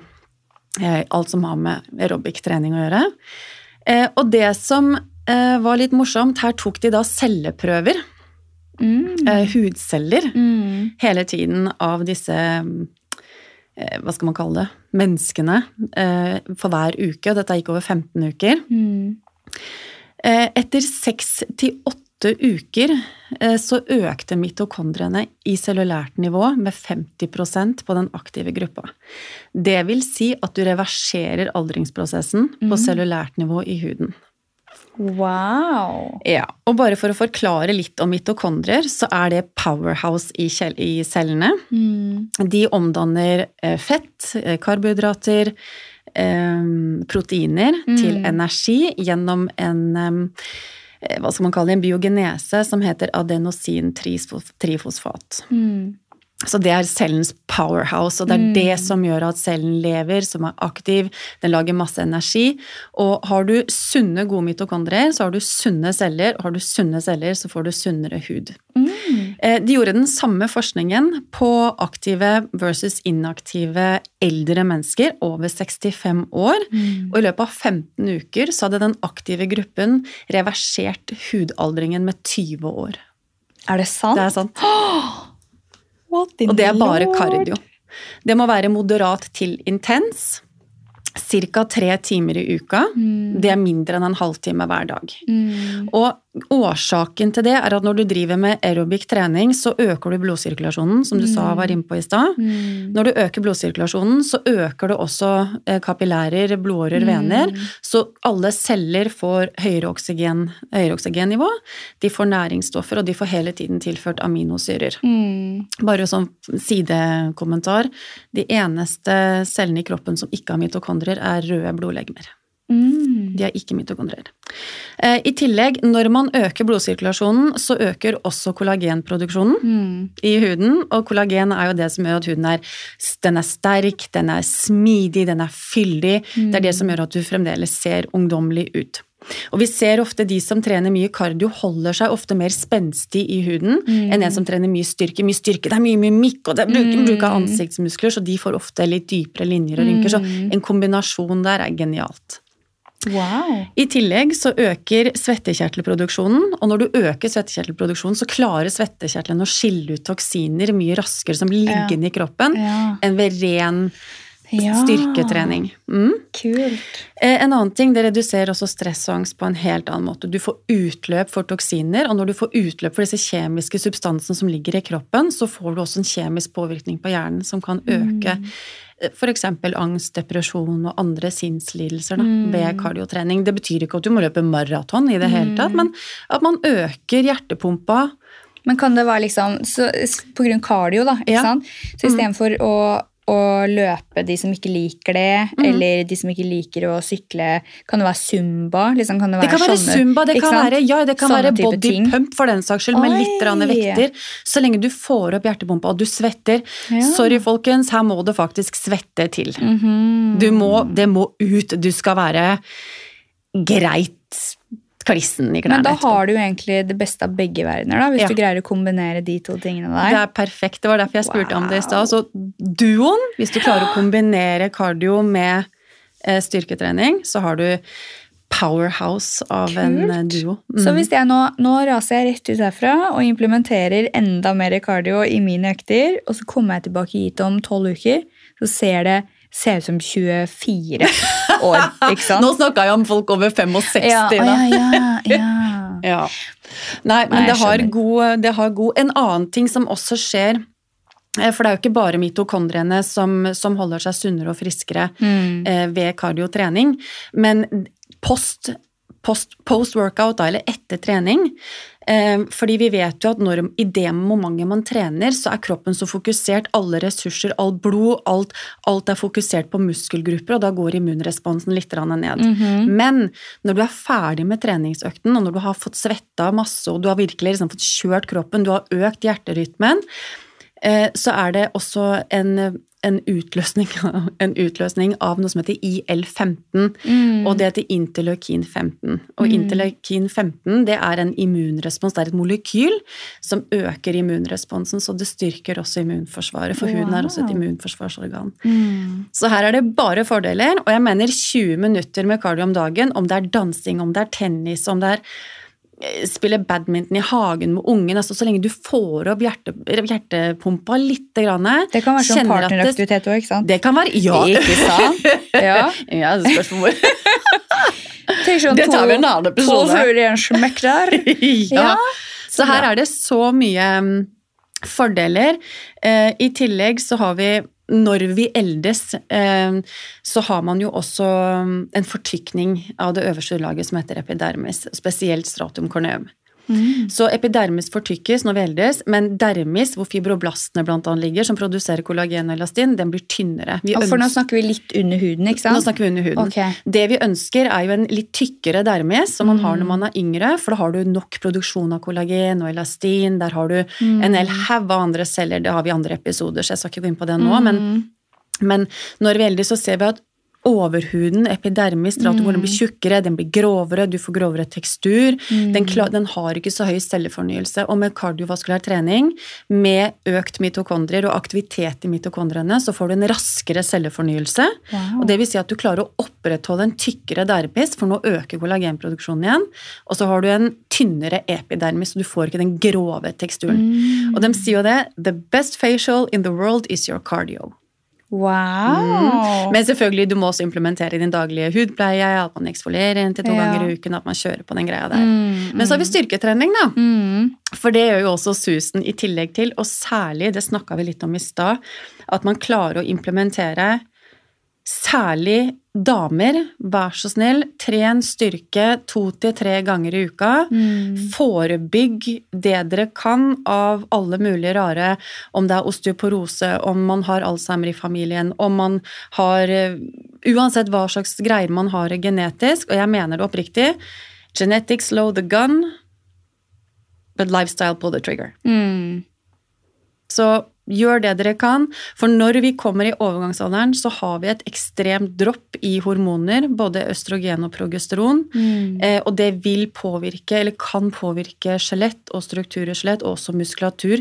Og vi damer mister relativt mye mer muskelmasse per år så fort vi er i overgangsalderen. Mm. Vi blir skjørere, eh, og da får vi kanskje ikke lekt så mye med barnebarna. Så det trenger ikke å være intens, det trenger ikke å være noen ting, men for best hormonell balanse, og for å øke testosteronproduksjonen, opprettholde en god og mer stabil østrogen- og testosteronproduksjon, og progesteron også, så kjør på en styrkeøkt to til tre ganger i uka.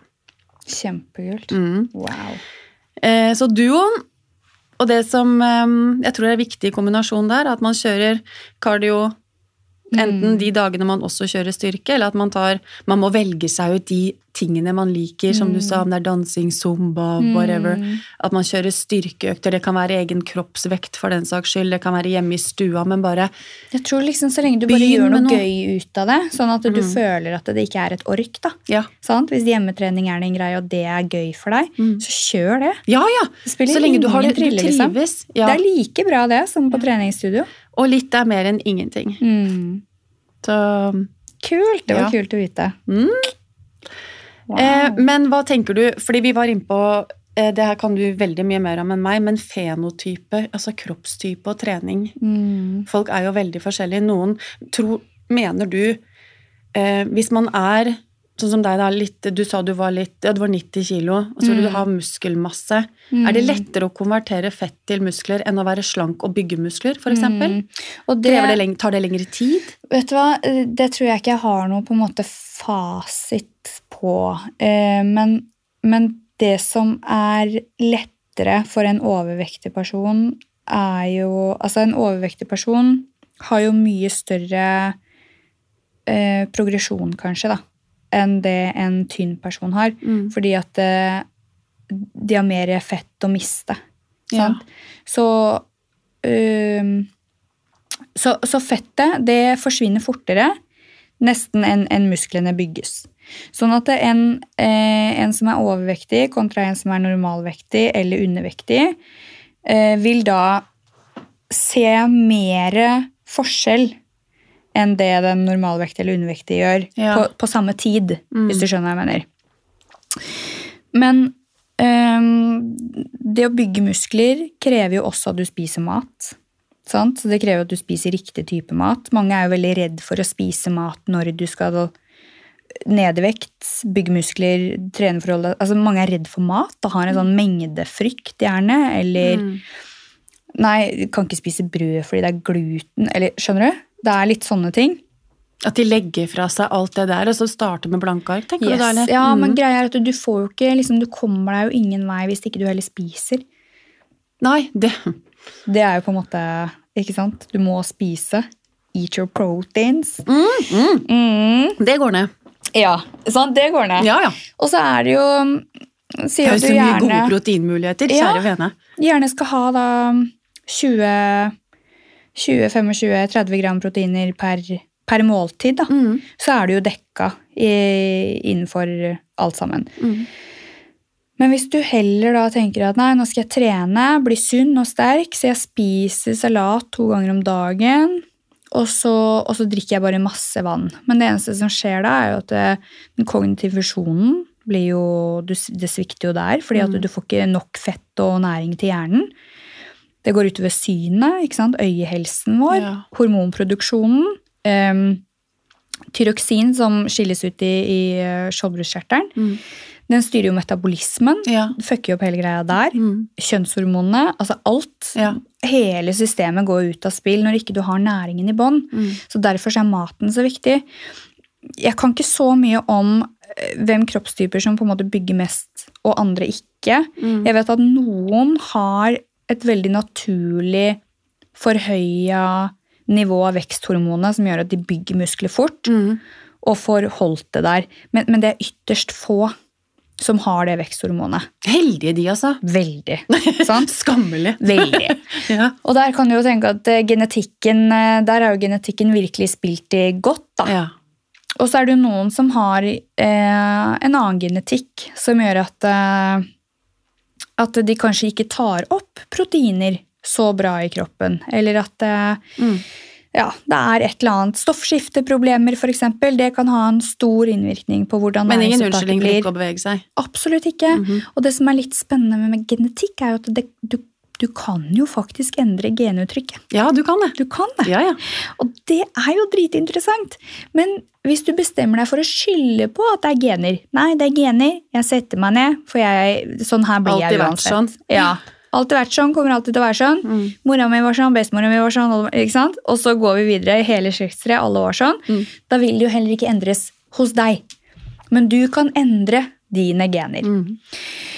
Eh, så jeg tror at hvis du bare setter deg litt grann inn i hva er det kroppen min trenger, Hva, hva er det som er riktig kaloriinntak for meg? Hvor mye proteiner skal jeg ha? Mm. Hva er proteiner? Hvor får jeg det fra? Jo, du får det fra kjøtt, fra melk, eh, fra, Gresk yoghurt, blant fra gresk yoghurt. Mm. ikke sant? Cottage cheese. Absolutt.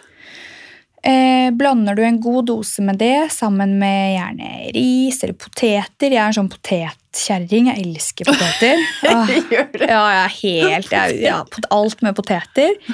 Ja, alle tror at jeg bare spiser ris og kylling. Gjør jeg ikke. Mm. Jeg spiser poteter. Eh, salat, de type tingene der. ikke sant?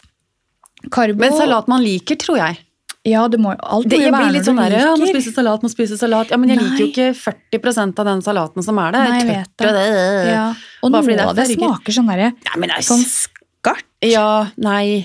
Tenker ja, men spis den eh, salaten. Velg ut den salaten Salat du er så mangt. ikke sant? Bare ta det du liker. Ja. Fordi at når du liker noe, og så liker du det du spiser, og gjerne hvis du spiser sammen med noen, eller, Mm. eller har måltider uten skjerm, så frigjør du også en hel del andre greier i hjernen Ja.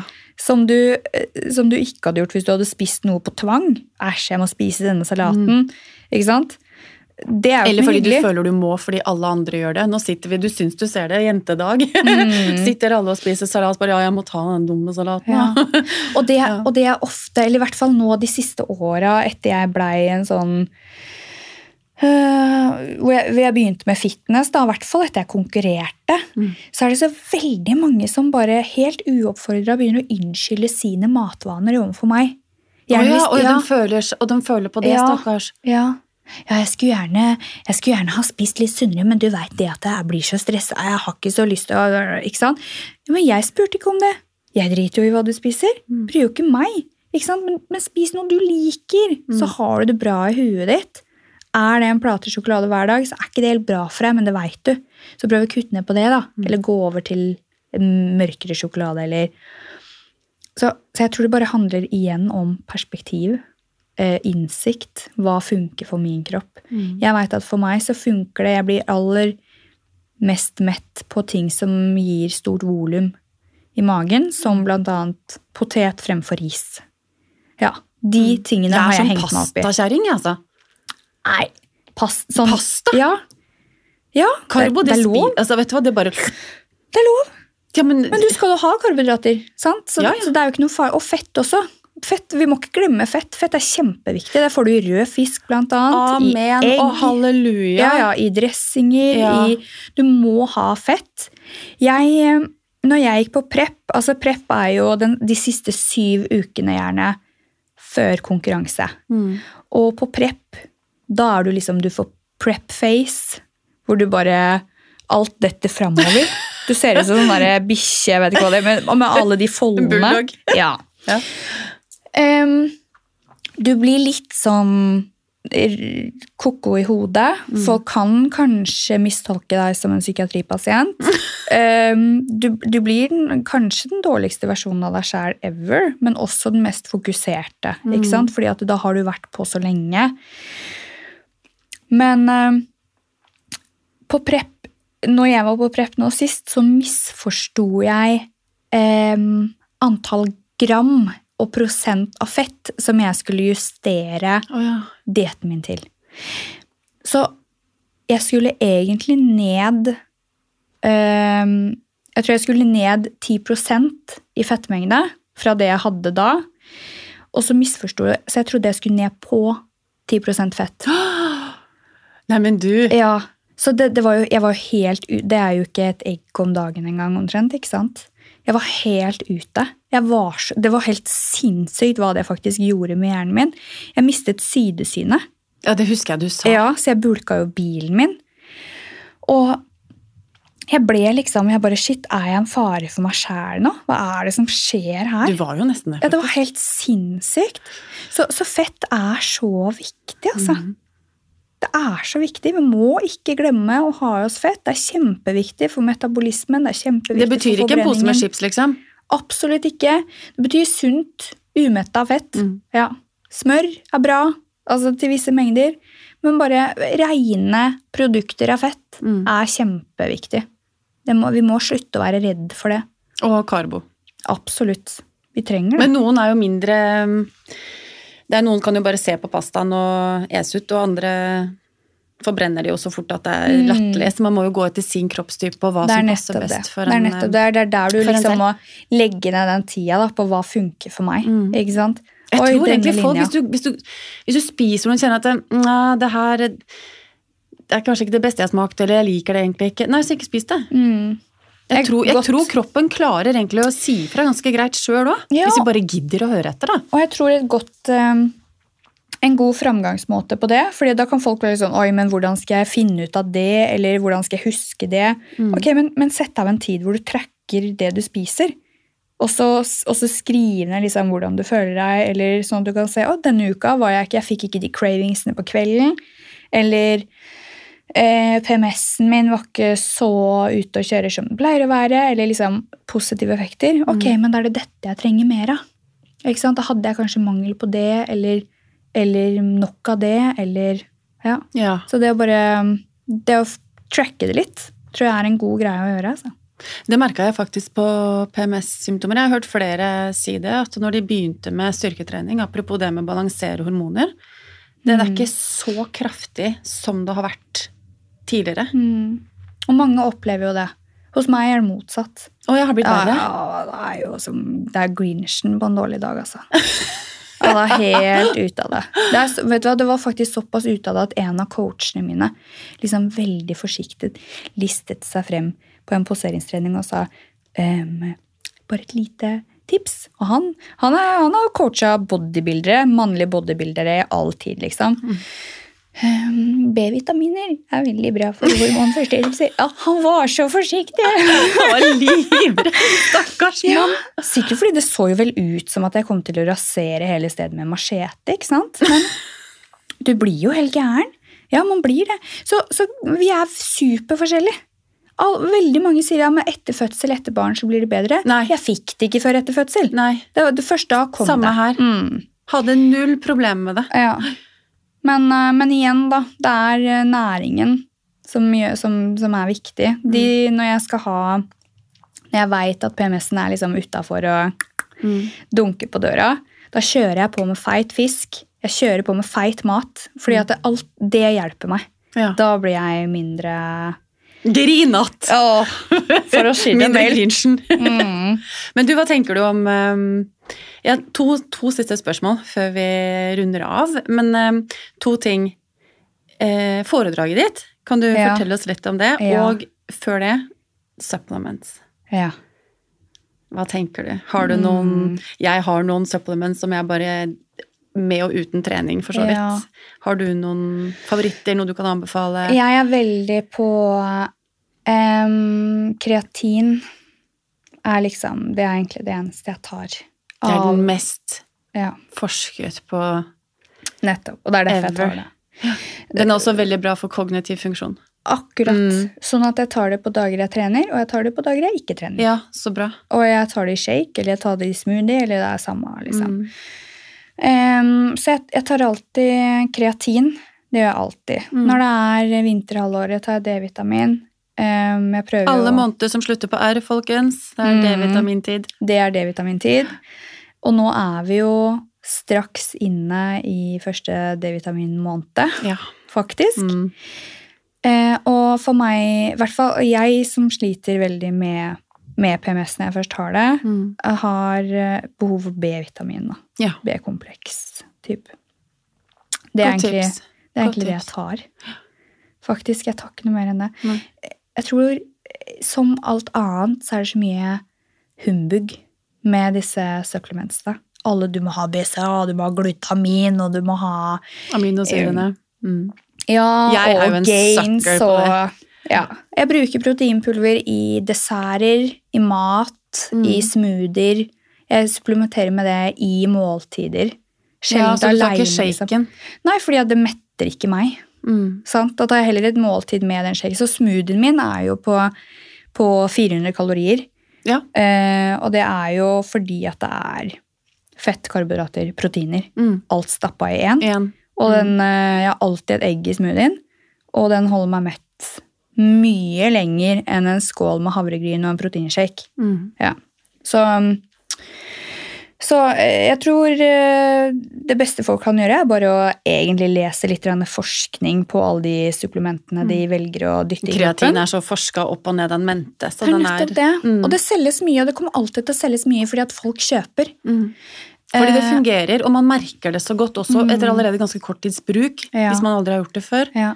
Jeg må bare få komme med en, et innslag Mm. der. Um, jeg kan anbefale, både for de som trener og de som ikke trener så mye i det hele tatt, Mm. eller ikke i det hele tatt faktisk, elektrolytter. Mm. De kan du få både i sånn brusetablettform, men Ja. du kan også få det i tabletter. Jeg vil gjerne drikke det. Du kan få det med Mm. alle mulige rare smaker. Og elektrolytter er jo egentlig salter. Mm. Eh, Vi har alltid blitt fortalt at salt er farlig, salt ditt og salt datt og salt og bla, bla, bla. Tingen er bare at når vi, hvis du har en varm sommerdag, som ikke Som vi har hatt her, for det har vært høst siden 1. juli, Ja. mer eller mindre. Men har du, du kjenner det på hvis du, hvis du gråter, tårene er salt. Hvis du svetter, så er det salt. Vi mister så mye salt gjennom Mm. væske eh, via urin. Mm. Så at vi får i oss salter. Det er magnesium, det er Mm. potassium, det er kalium, det er eh, C-vitamin, og at vi får i oss salter. Og spesielt magnesium, som er så Mm. viktig for eh, skjelett og skjelettstruktur og Mm. muskel og ja. Og er nervesystemet, ikke minst. Magnesium er jo også med på å, å dempe eventuelle muskelkramper. Ja, det er det også. Så elektrolytter tror jeg, og særlig hvis man skal ut på en jentekveld, et eller annet, eh, så er det lurt å ta noen elektrolytter før, bare for å opprettholde væskebalansen. Men man, Mm. når man våkner om morgenen, da, så er man ganske dehydrert, og da er det liksom ikke kaffen du skal løpe til. Ta et glass vann Nei, og først, og så ta kaffen. ja. For den kaffen, du blir bare mer dehydrert. Du, du Mm. får fortere brain fog i løpet av dagen. Så hvis det Mm. første du gjør er kaffe om morgenen, så er klokka to, så får du en sånn peak nedover. Du bare, Mm. øh, du backer ut. Ta Vent en time etter at du har stått opp med den kaffen, og ta Mm. glass vann, eller gjerne vann med elektrolytter først. Så kan du ta kaffen etterpå. Oi, Et lite tips. Ja. Men holder det Men for eksempel, jeg er jo sånn saltoman, da. Mm. Jeg spiser jo sinnssykt mye salt. Mm. Eh, Men du trener jo en hel del, da. Ja, men jeg, men jeg har alltid gjort det også. Mm. Og selv når jeg var på prep, så tok jeg blodprøver hos legen. Mm. Og da hadde jeg litt lite nivå av natrium. Oi! Og det er Ja. spennende, fordi at jeg spiste jo da eh, Dette er ikke kødd. En, en pakke Maldonsalt i uka. Hæ?! Og så hadde jeg lave nivåer på natrium. Jeg tenkte det. Er ikke det Det er jo det er veldig Jeg skjønner det ikke. Men, men holder det, eller burde jeg ta elektrolytter altså, Jeg vil- jeg pleier ikke å spise pakke salt i uka nå. Nei, Men- det kan være farlig for noen. Men Ja. jeg spiser jo veldig mye salt, og kroppen min tåler mye, mye av det. Mm. Men bør jeg ta elektrolytter i tillegg tillegg? til Fordi for det er, er er ulike som- typer salter. Ja, det er ulike typer salter, og så er det noe med at da binder ikke kroppen din saltene som kanskje en annen kropp ville gjort, fordi vi er så forskjellige. Ja. Så jeg ville absolutt anbefalt å tatt Du kan jo få dem med koffein, du kan få dem uten koffein, du kan få dem i Mm. forskjellige smaker. Det spørs hvor du kjøper det fra. Jeg er ikke så glad i tablettform med gelatinkapsler og skal løses opp i magen, og det er mye greier. Ja. Drikkbart, så tar tarmen opp det med en gang, Ja. istedenfor at du venter til det har gått gjennom hele prosessen med oppløsning. Wow. Ja. Har du noen merker som du anbefaler? ja, det kan jeg ikke si her. Nei, ikke sant. Vi tar det av. Vi tar det av. Off air. Folk får sende DM hvis Nei, men det var eh, spennende. Veldig spennende. Og Ah. kollagen, at man tar kollagenpeptid, Mm. selvfølgelig. Vi har hatt en episode før om kollagen, eh, elastin, retinol, hyaluronsyre Og det osv. begynte jeg å ta kollagen etter jeg hørte den episoden. Ja, der så fins det masse fast. forskjellig, men folkens, bare vær så snill, pass på at det er kollagenpeptidversjon, Mm. ellers så får ikke mage-tarmbarrieren tatt det opp i Mm. det hele, eller tarmen er tatt opp i det hele tatt. For nå er det jo så mye eh, med torske... Eller fiskekollagen. Det er det sunneste. Ja, ikke sant? Mm. Fra, fra, Fra fisk. Fra fisk. Det får du Um, i hudpleieprodukter også. Ja, man gjør det, Ja, ja, du gjør det. Ja. ja. Det gjør det. Kult. Men også Det er jo det beste. Marint kollagenalstin er det beste du kan Det er lettest for kroppen å ta opp. Det er ganske ident, hva skal man si, det er ganske identisk det vi Mm. har i kroppen selv. Og det smaker jo ikke fisk. Nei, nei, nei, nei, det mange smaker tror at det. Men det smaker ikke fisk. Jeg har jo fiskekollagen. Bruker det i ja, samme som, som kreatine. Mm. I smoothier eller samme. Ja, ja. Og det er jo Ja. Det er skikkelig digg. Det er Det er det. digg Og du merker merker så forskjell på egentlig alt. Kollagen er det proteinet vi har mest av både i huden. Vi har det Mm. tenner, øye, ledd, kapsler. Altså det er Kapsler er det hyaluronsyre, men dog. Altså, Mm. ja. The it protein. Vi må bare ha det. Nei. Men du, foredraget ditt, sånn siste Ja. innslag før vi For nå blir denne episoden her veldig langkjent. Ja. Muskelmat og hjerneprat. Det handler om mye av det vi har snakket om i dag, med at jeg prøver egentlig bare å pepre litt inn på balansen. Mm. Sant? Det er ikke hvor mange reps du har, det er ikke hvor mange kilo du greier, det er ikke hvor mange liter du svetter, det er ikke hvor lite du spiser. Det er, liksom, det er summen av alt. Mm. Sant?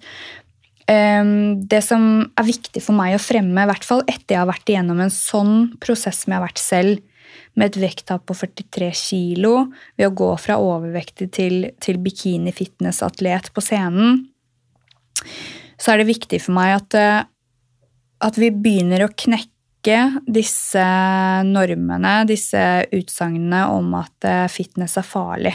Mm. Eller trening er farlig, eller kosthold er farlig. Alle skal gjerne ha en mening. Sånn som, sånn som med meg, så, så er det sånn at jeg kan nesten ikke spise vanlig mat engang uten at folk tror at jeg er på diett.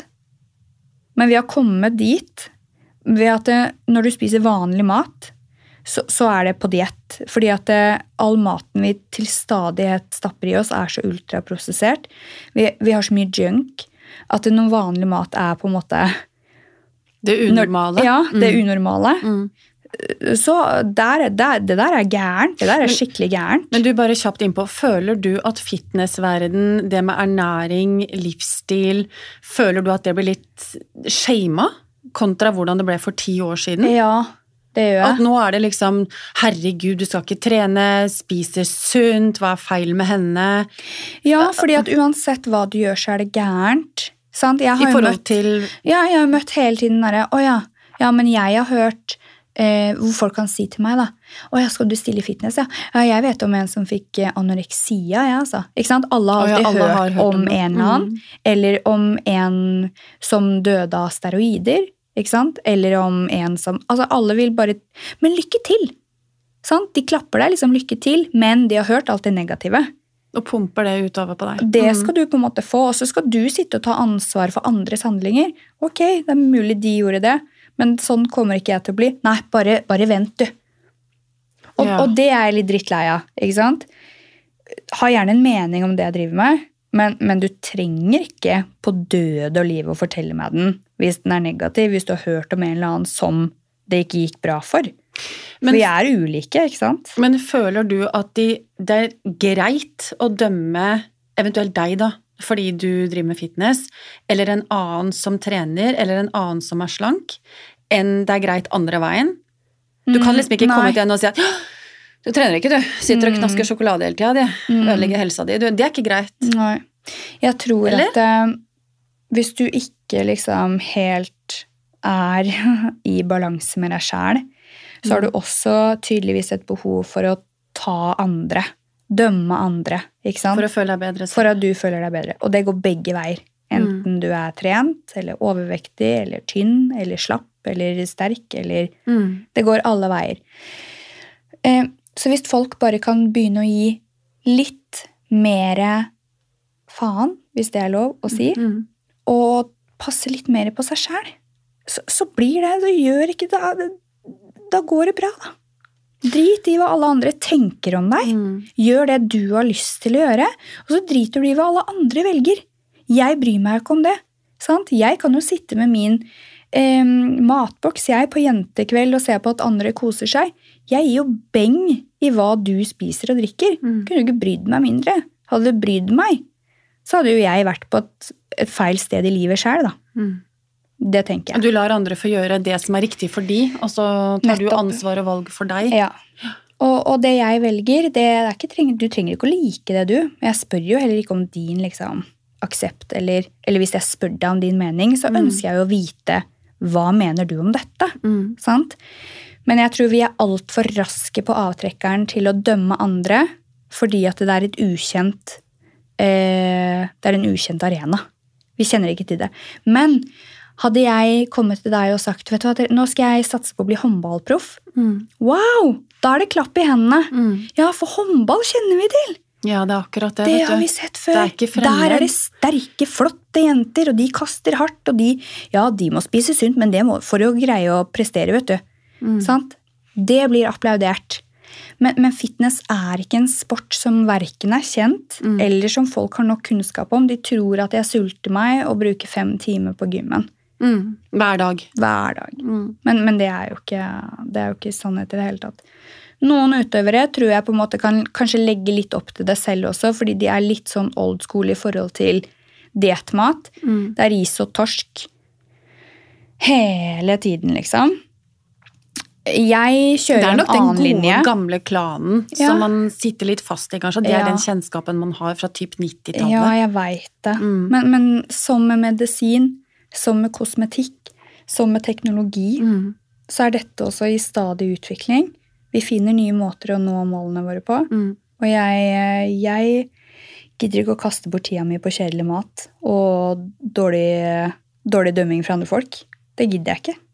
Så jeg spiser det jeg vil spise, og jeg blåser i hva andre spiser. Og jeg tenker at eh, hvis folk vil ha en mening om det, så får de ha det.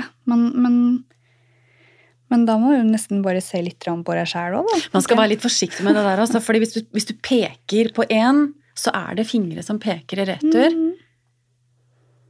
Ja, jeg går ikke bort De- til en anleggsarbeider her i gata Nei, liksom, og ber det. han om å Vet du hva, den måten Sånn kan du ikke jobbe på. Jeg har jo ikke peiling på hva han driver med. Det syns jeg ikke du skal gjøre. Jeg syns ikke du skal gå bort til han og si Jeg, jeg, tror ikke jeg, skal, jeg tror jeg dropper det. Så, så jeg, jeg tenker at hvis vi bare er litt mindre opptatt av hva alle andre gjør, Mm. og tenker litt grann mer på at eh, du sjøl har det bra Så vil vi andre rundt deg også få det bedre, Det for du blir en bedre person å være rundt. mm, Selv. Det er akkurat det. Man gjør det. Ja. Man, man gjør de tingene i livet som gjør at man har det bra, og de sier jo det. Har du en eh, Det tenker jeg mye på i forhold til min sønn. Hvis jeg har en dårlig dag eller gjør ting som ikke er bra for meg, så blir Mm. jeg ikke festlig å være rundt. Og hvem er det som skal leve rundt meg? Det er blant annet han. Mm. Og han fortjener ikke det. Mm -mm. Absolutt ikke. Nei. Jeg må være den beste utgaven av meg selv, både mentalt, eh, helsemessig, på alle Mm. mulige måter, for å kunne være den beste mammaen for han. Jeg er veldig, Hjemme hos oss er jeg veldig ærlig. Vi er jo gutter i samme klasse. Mm. Jeg er jo så heldig å få lov til å være bonusmamma for han. Og, og han, han forstår jo sinnssykt mye mer selvfølgelig enn hun på tre. Jo, så Sant. klart. Det er jo en selvfølge. Men jeg er like bånn ærlig med begge to. Mm. Så når jeg kjenner at det er at tante Rød driver og banker på døra, hun er på vei, jeg har liksom nervene utapå huden, Mm. jeg hater alt og alle, så sier jeg det. Hei, ja, jeg er en drittkjerring i dag. Sorry for det. Jeg skal ha mensen, så bare prøv å, å, å bare prøve å overse meg. Mm. Å ja. Nei, men ok. Altså at man klarer å regulere sine egne følelser og egne impulskontroll. Jeg er helt ærlig med det. Liksom, jeg er helt ærlig på at det er det som skjer inni meg nå. Mm. Derfor er jeg forbanna. Ikke fordi at du har gjort noe gærent, Mm. eller fordi at hun går meg på nervene, men, men jeg er forbanna fordi hormonene mine Nå klikker det bare på de, da. Men prøver du å gå ut av? Gå vekk? Ja, jeg tror mye jeg har gjort når jeg bare sier det høyt, liksom. Mm. Og da skaper jeg et rom for aksept. At eh, ja, nå går jeg ut en tur, jeg, fordi at jeg må bare lufte meg. Blir ikke stilt noe spørsmål. De bare Å, gud, takk Endelig er den ute! Var det det det var, ja? Ok, na, men da kan vi slutte å lure på hva det var, liksom. Ja. Så um, bare vær litt mer eh, Være litt mer ærlig med seg sjæl og de rundt deg. Det så- tror jeg er det vanskeligste. Jeg tror ikke folk har så Det er vanskeligst å være ærlig med seg selv, på godt og på vondt, for da må du, du må ta ansvar for eget liv. Mm. Og den det. kan være ganske mye lettere å dra til legen mm. enn å faktisk ta ansvar. Ja, det er det. Jeg tror Jeg sier ikke at man ikke skal dra til legen, for hjelpes meg, man må Mm. dra til legen. Nei, man Kjenner man at det må til, så må man jo selvfølgelig det. mm. Men jeg er av den troen at eh, hvis legen ikke spør deg om du trener, får du i deg nok væske, får du inn hvordan er kostholdet ditt, hvordan er Mm. stressnivåene dine, hvordan er livssituasjonen din, hvordan er psyken din, Mm. men bare finner en diagnose og gir deg medikamenter, mm. da ville jeg vurdert å bytte lege. Men såpass lettvint er det. Dessverre. Og det Og jeg tror det er mange som tyr til det. Og, og Jeg det la den noe- det ut på, på Instagram her om dagen. Det Ja. ikke, og jeg er ikke så flink på Instagram, men jeg la i den ut, og det, den la jeg ut, og det som står der, det står jeg for. Mm. Og jeg, jeg tror at det er like lettvint som å på en måte kjøpe litt sånn ferdig mat i butikken. Ingenting av det er feil, men det finnes bedre alternativer. Ja. Det er eh, symptombehandling mot Mm. årsaksbehandling. Mm. Så, Men også noen ganger så kreves selvfølgelig begge deler. At eh, man både tar eh, initiativ til, til god helse selv, eh, men også at man trenger hjelp og støtte fra, mm. fra andre. Mm. Om det er helsepersonell, eller om det er coacher, eller om det er Mm. psykologer, eller om det er at det er et nettverk. da. Mm. Men at man også står i sitt eget liv, tar ansvar og er dønn ærlig med seg Mm. selv og andre. Og det- Selv om man kanskje bare er sånn småting som at man skal få mensen, Mm. eller man har hatt en drittdag, eller om man Mm. Men det er jo, ikke sant? Ja. For jeg vil jo ikke at vi skal legge oss med at barna mine har mine steiner i sin ryggsekk. ikke sant? Mm. Hvorfor var mamma eller hvorfor var Katrine så forbanna i dag? Er det et eller annet jeg sa? Eller, det, det vil jeg Ja, ikke. for de føler jo på det, selvfølgelig, stakkars. Nettopp. Mm. Så, så jeg er kjempenøye på det at ok, nå er jeg en drittkjerring. Jeg kjenner det sjøl. Jeg kjenner at jeg bare får frem hun derre eh, forferdelige dragen i meg. ikke sant? Ja. Så, Sorry, ungene mine. Det handler ikke om dere. Jeg merker sjøl at jeg er en bitch. Jeg skal trekke meg unna. Jeg tar meg et glass vann. Jeg stikker en tur i skauen. Mm. Og så, og så når jeg kommer tilbake, så kanskje jeg er bedre. Men jeg gir aldri noen lovnader om å ta meg sammen. Eller, fordi at det, sånn, i det vil ikke jeg lære de, at du er nødt til å ta deg sammen for andre. ikke sant? Og du må være en du ikke er. Da får du heller fjerne det. Ja, det er det, derfor jeg spurte deg om du går du da vekk. Ja, Ja. Og det sier jeg jo til samboeren min nå, når det blir for heated hjemme, sånn med masse unger og lyd og skrik, og, men da får du heller fjerne det, Mm. enn at du blir frustrert og så hever stemmen. Da, får du, da må du bare stikke, og samme gjør jeg. Mm. Så, og så er vi ærlige med, med barna våre på det.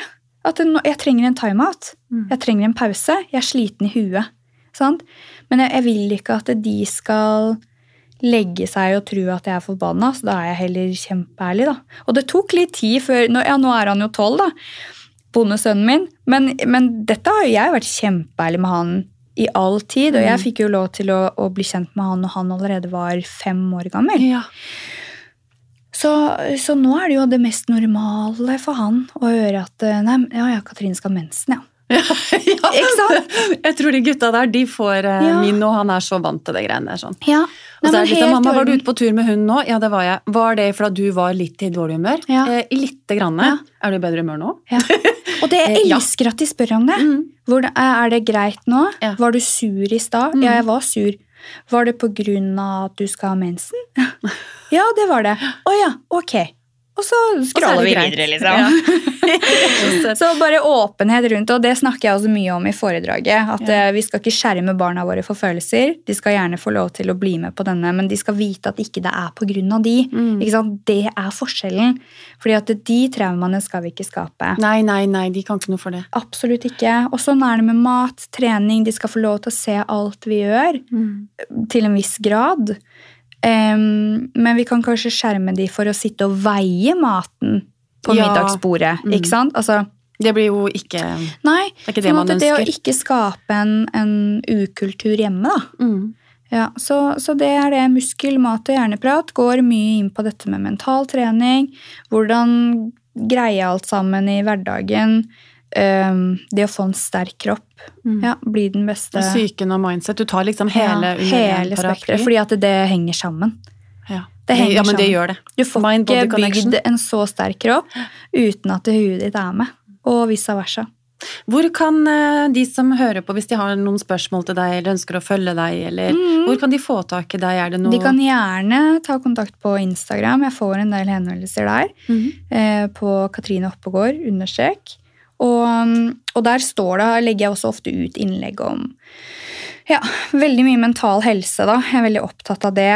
Um, uh, kan også hjelpe til med veiledning i, i ernæring og trening. og... Mm. Og så syns jeg den Instagram-siden din er veldig fin, for selv om du du har trening, du har den business-delen, altså mindset, syke, velvære, fokus, så er du også privat. Mm. Så man blir litt mer kjent med deg. Du går, sko du går i skogen, og det er Mm. løpetur, og Veldig fin. Mm. Anbefaler å følge Katrine Oppegård på Instagram. Hyggelig.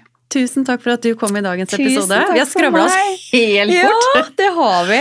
Veldig Det koselig. Mm. Da håper jeg visst at du kommer en senere. Gjerne. senere Vi ser hvor ung jeg har blitt. Jeg har blitt med Zumba. Ja, det er gøy, det. Ja. Anbefales alle. Tusen takk for i dag. Takk for meg. Ha det. Ha det.